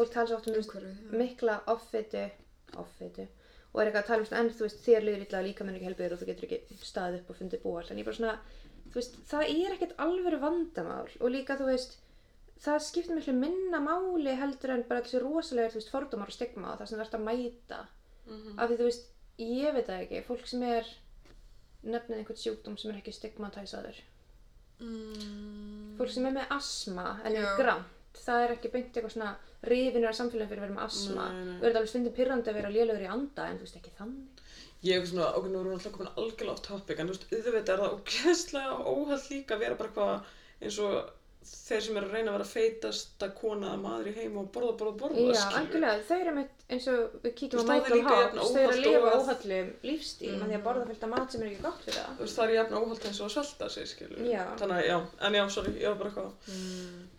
Ef þetta finnst ekki alltaf þegar maður færi svona þú veist, þeir sem hafa kvótan og kvót áhyggjur af heilsunni og vikni fullt af hlutum sem eru slæmni við að vera feitir og svona, segjum sem svo að það sé eitthvað slæmt við að vera feitur þá kemur það öðrum rosa lítið við. Og ég held að Já. það sé aldrei það versta við að vera feitur. Þú veist, ég held að versta sé alltaf samfélagslega stigma. Já, já. og sama hvað þú ert leiðilega um einhvern feitan það mun ekkert grennan Ég held líka, þú veist, eins og punktur hann að hana, það er allum alveg sama um heilsuna, það er ekki eitthvað, ég er eitthvað sem heilsuna þína, það er bara, Mhm. eins og þú sagðir, þú veist, bullshit, skilur. Mhm, það er svolítið búin eða kannski bara hætta þessum gett morbid nótum Já, ég slögt á þessu svo getið opnað þann súklaði pakka hérna. ok, herri, við ætlum að henda okkur í súkulæði gleðileg jól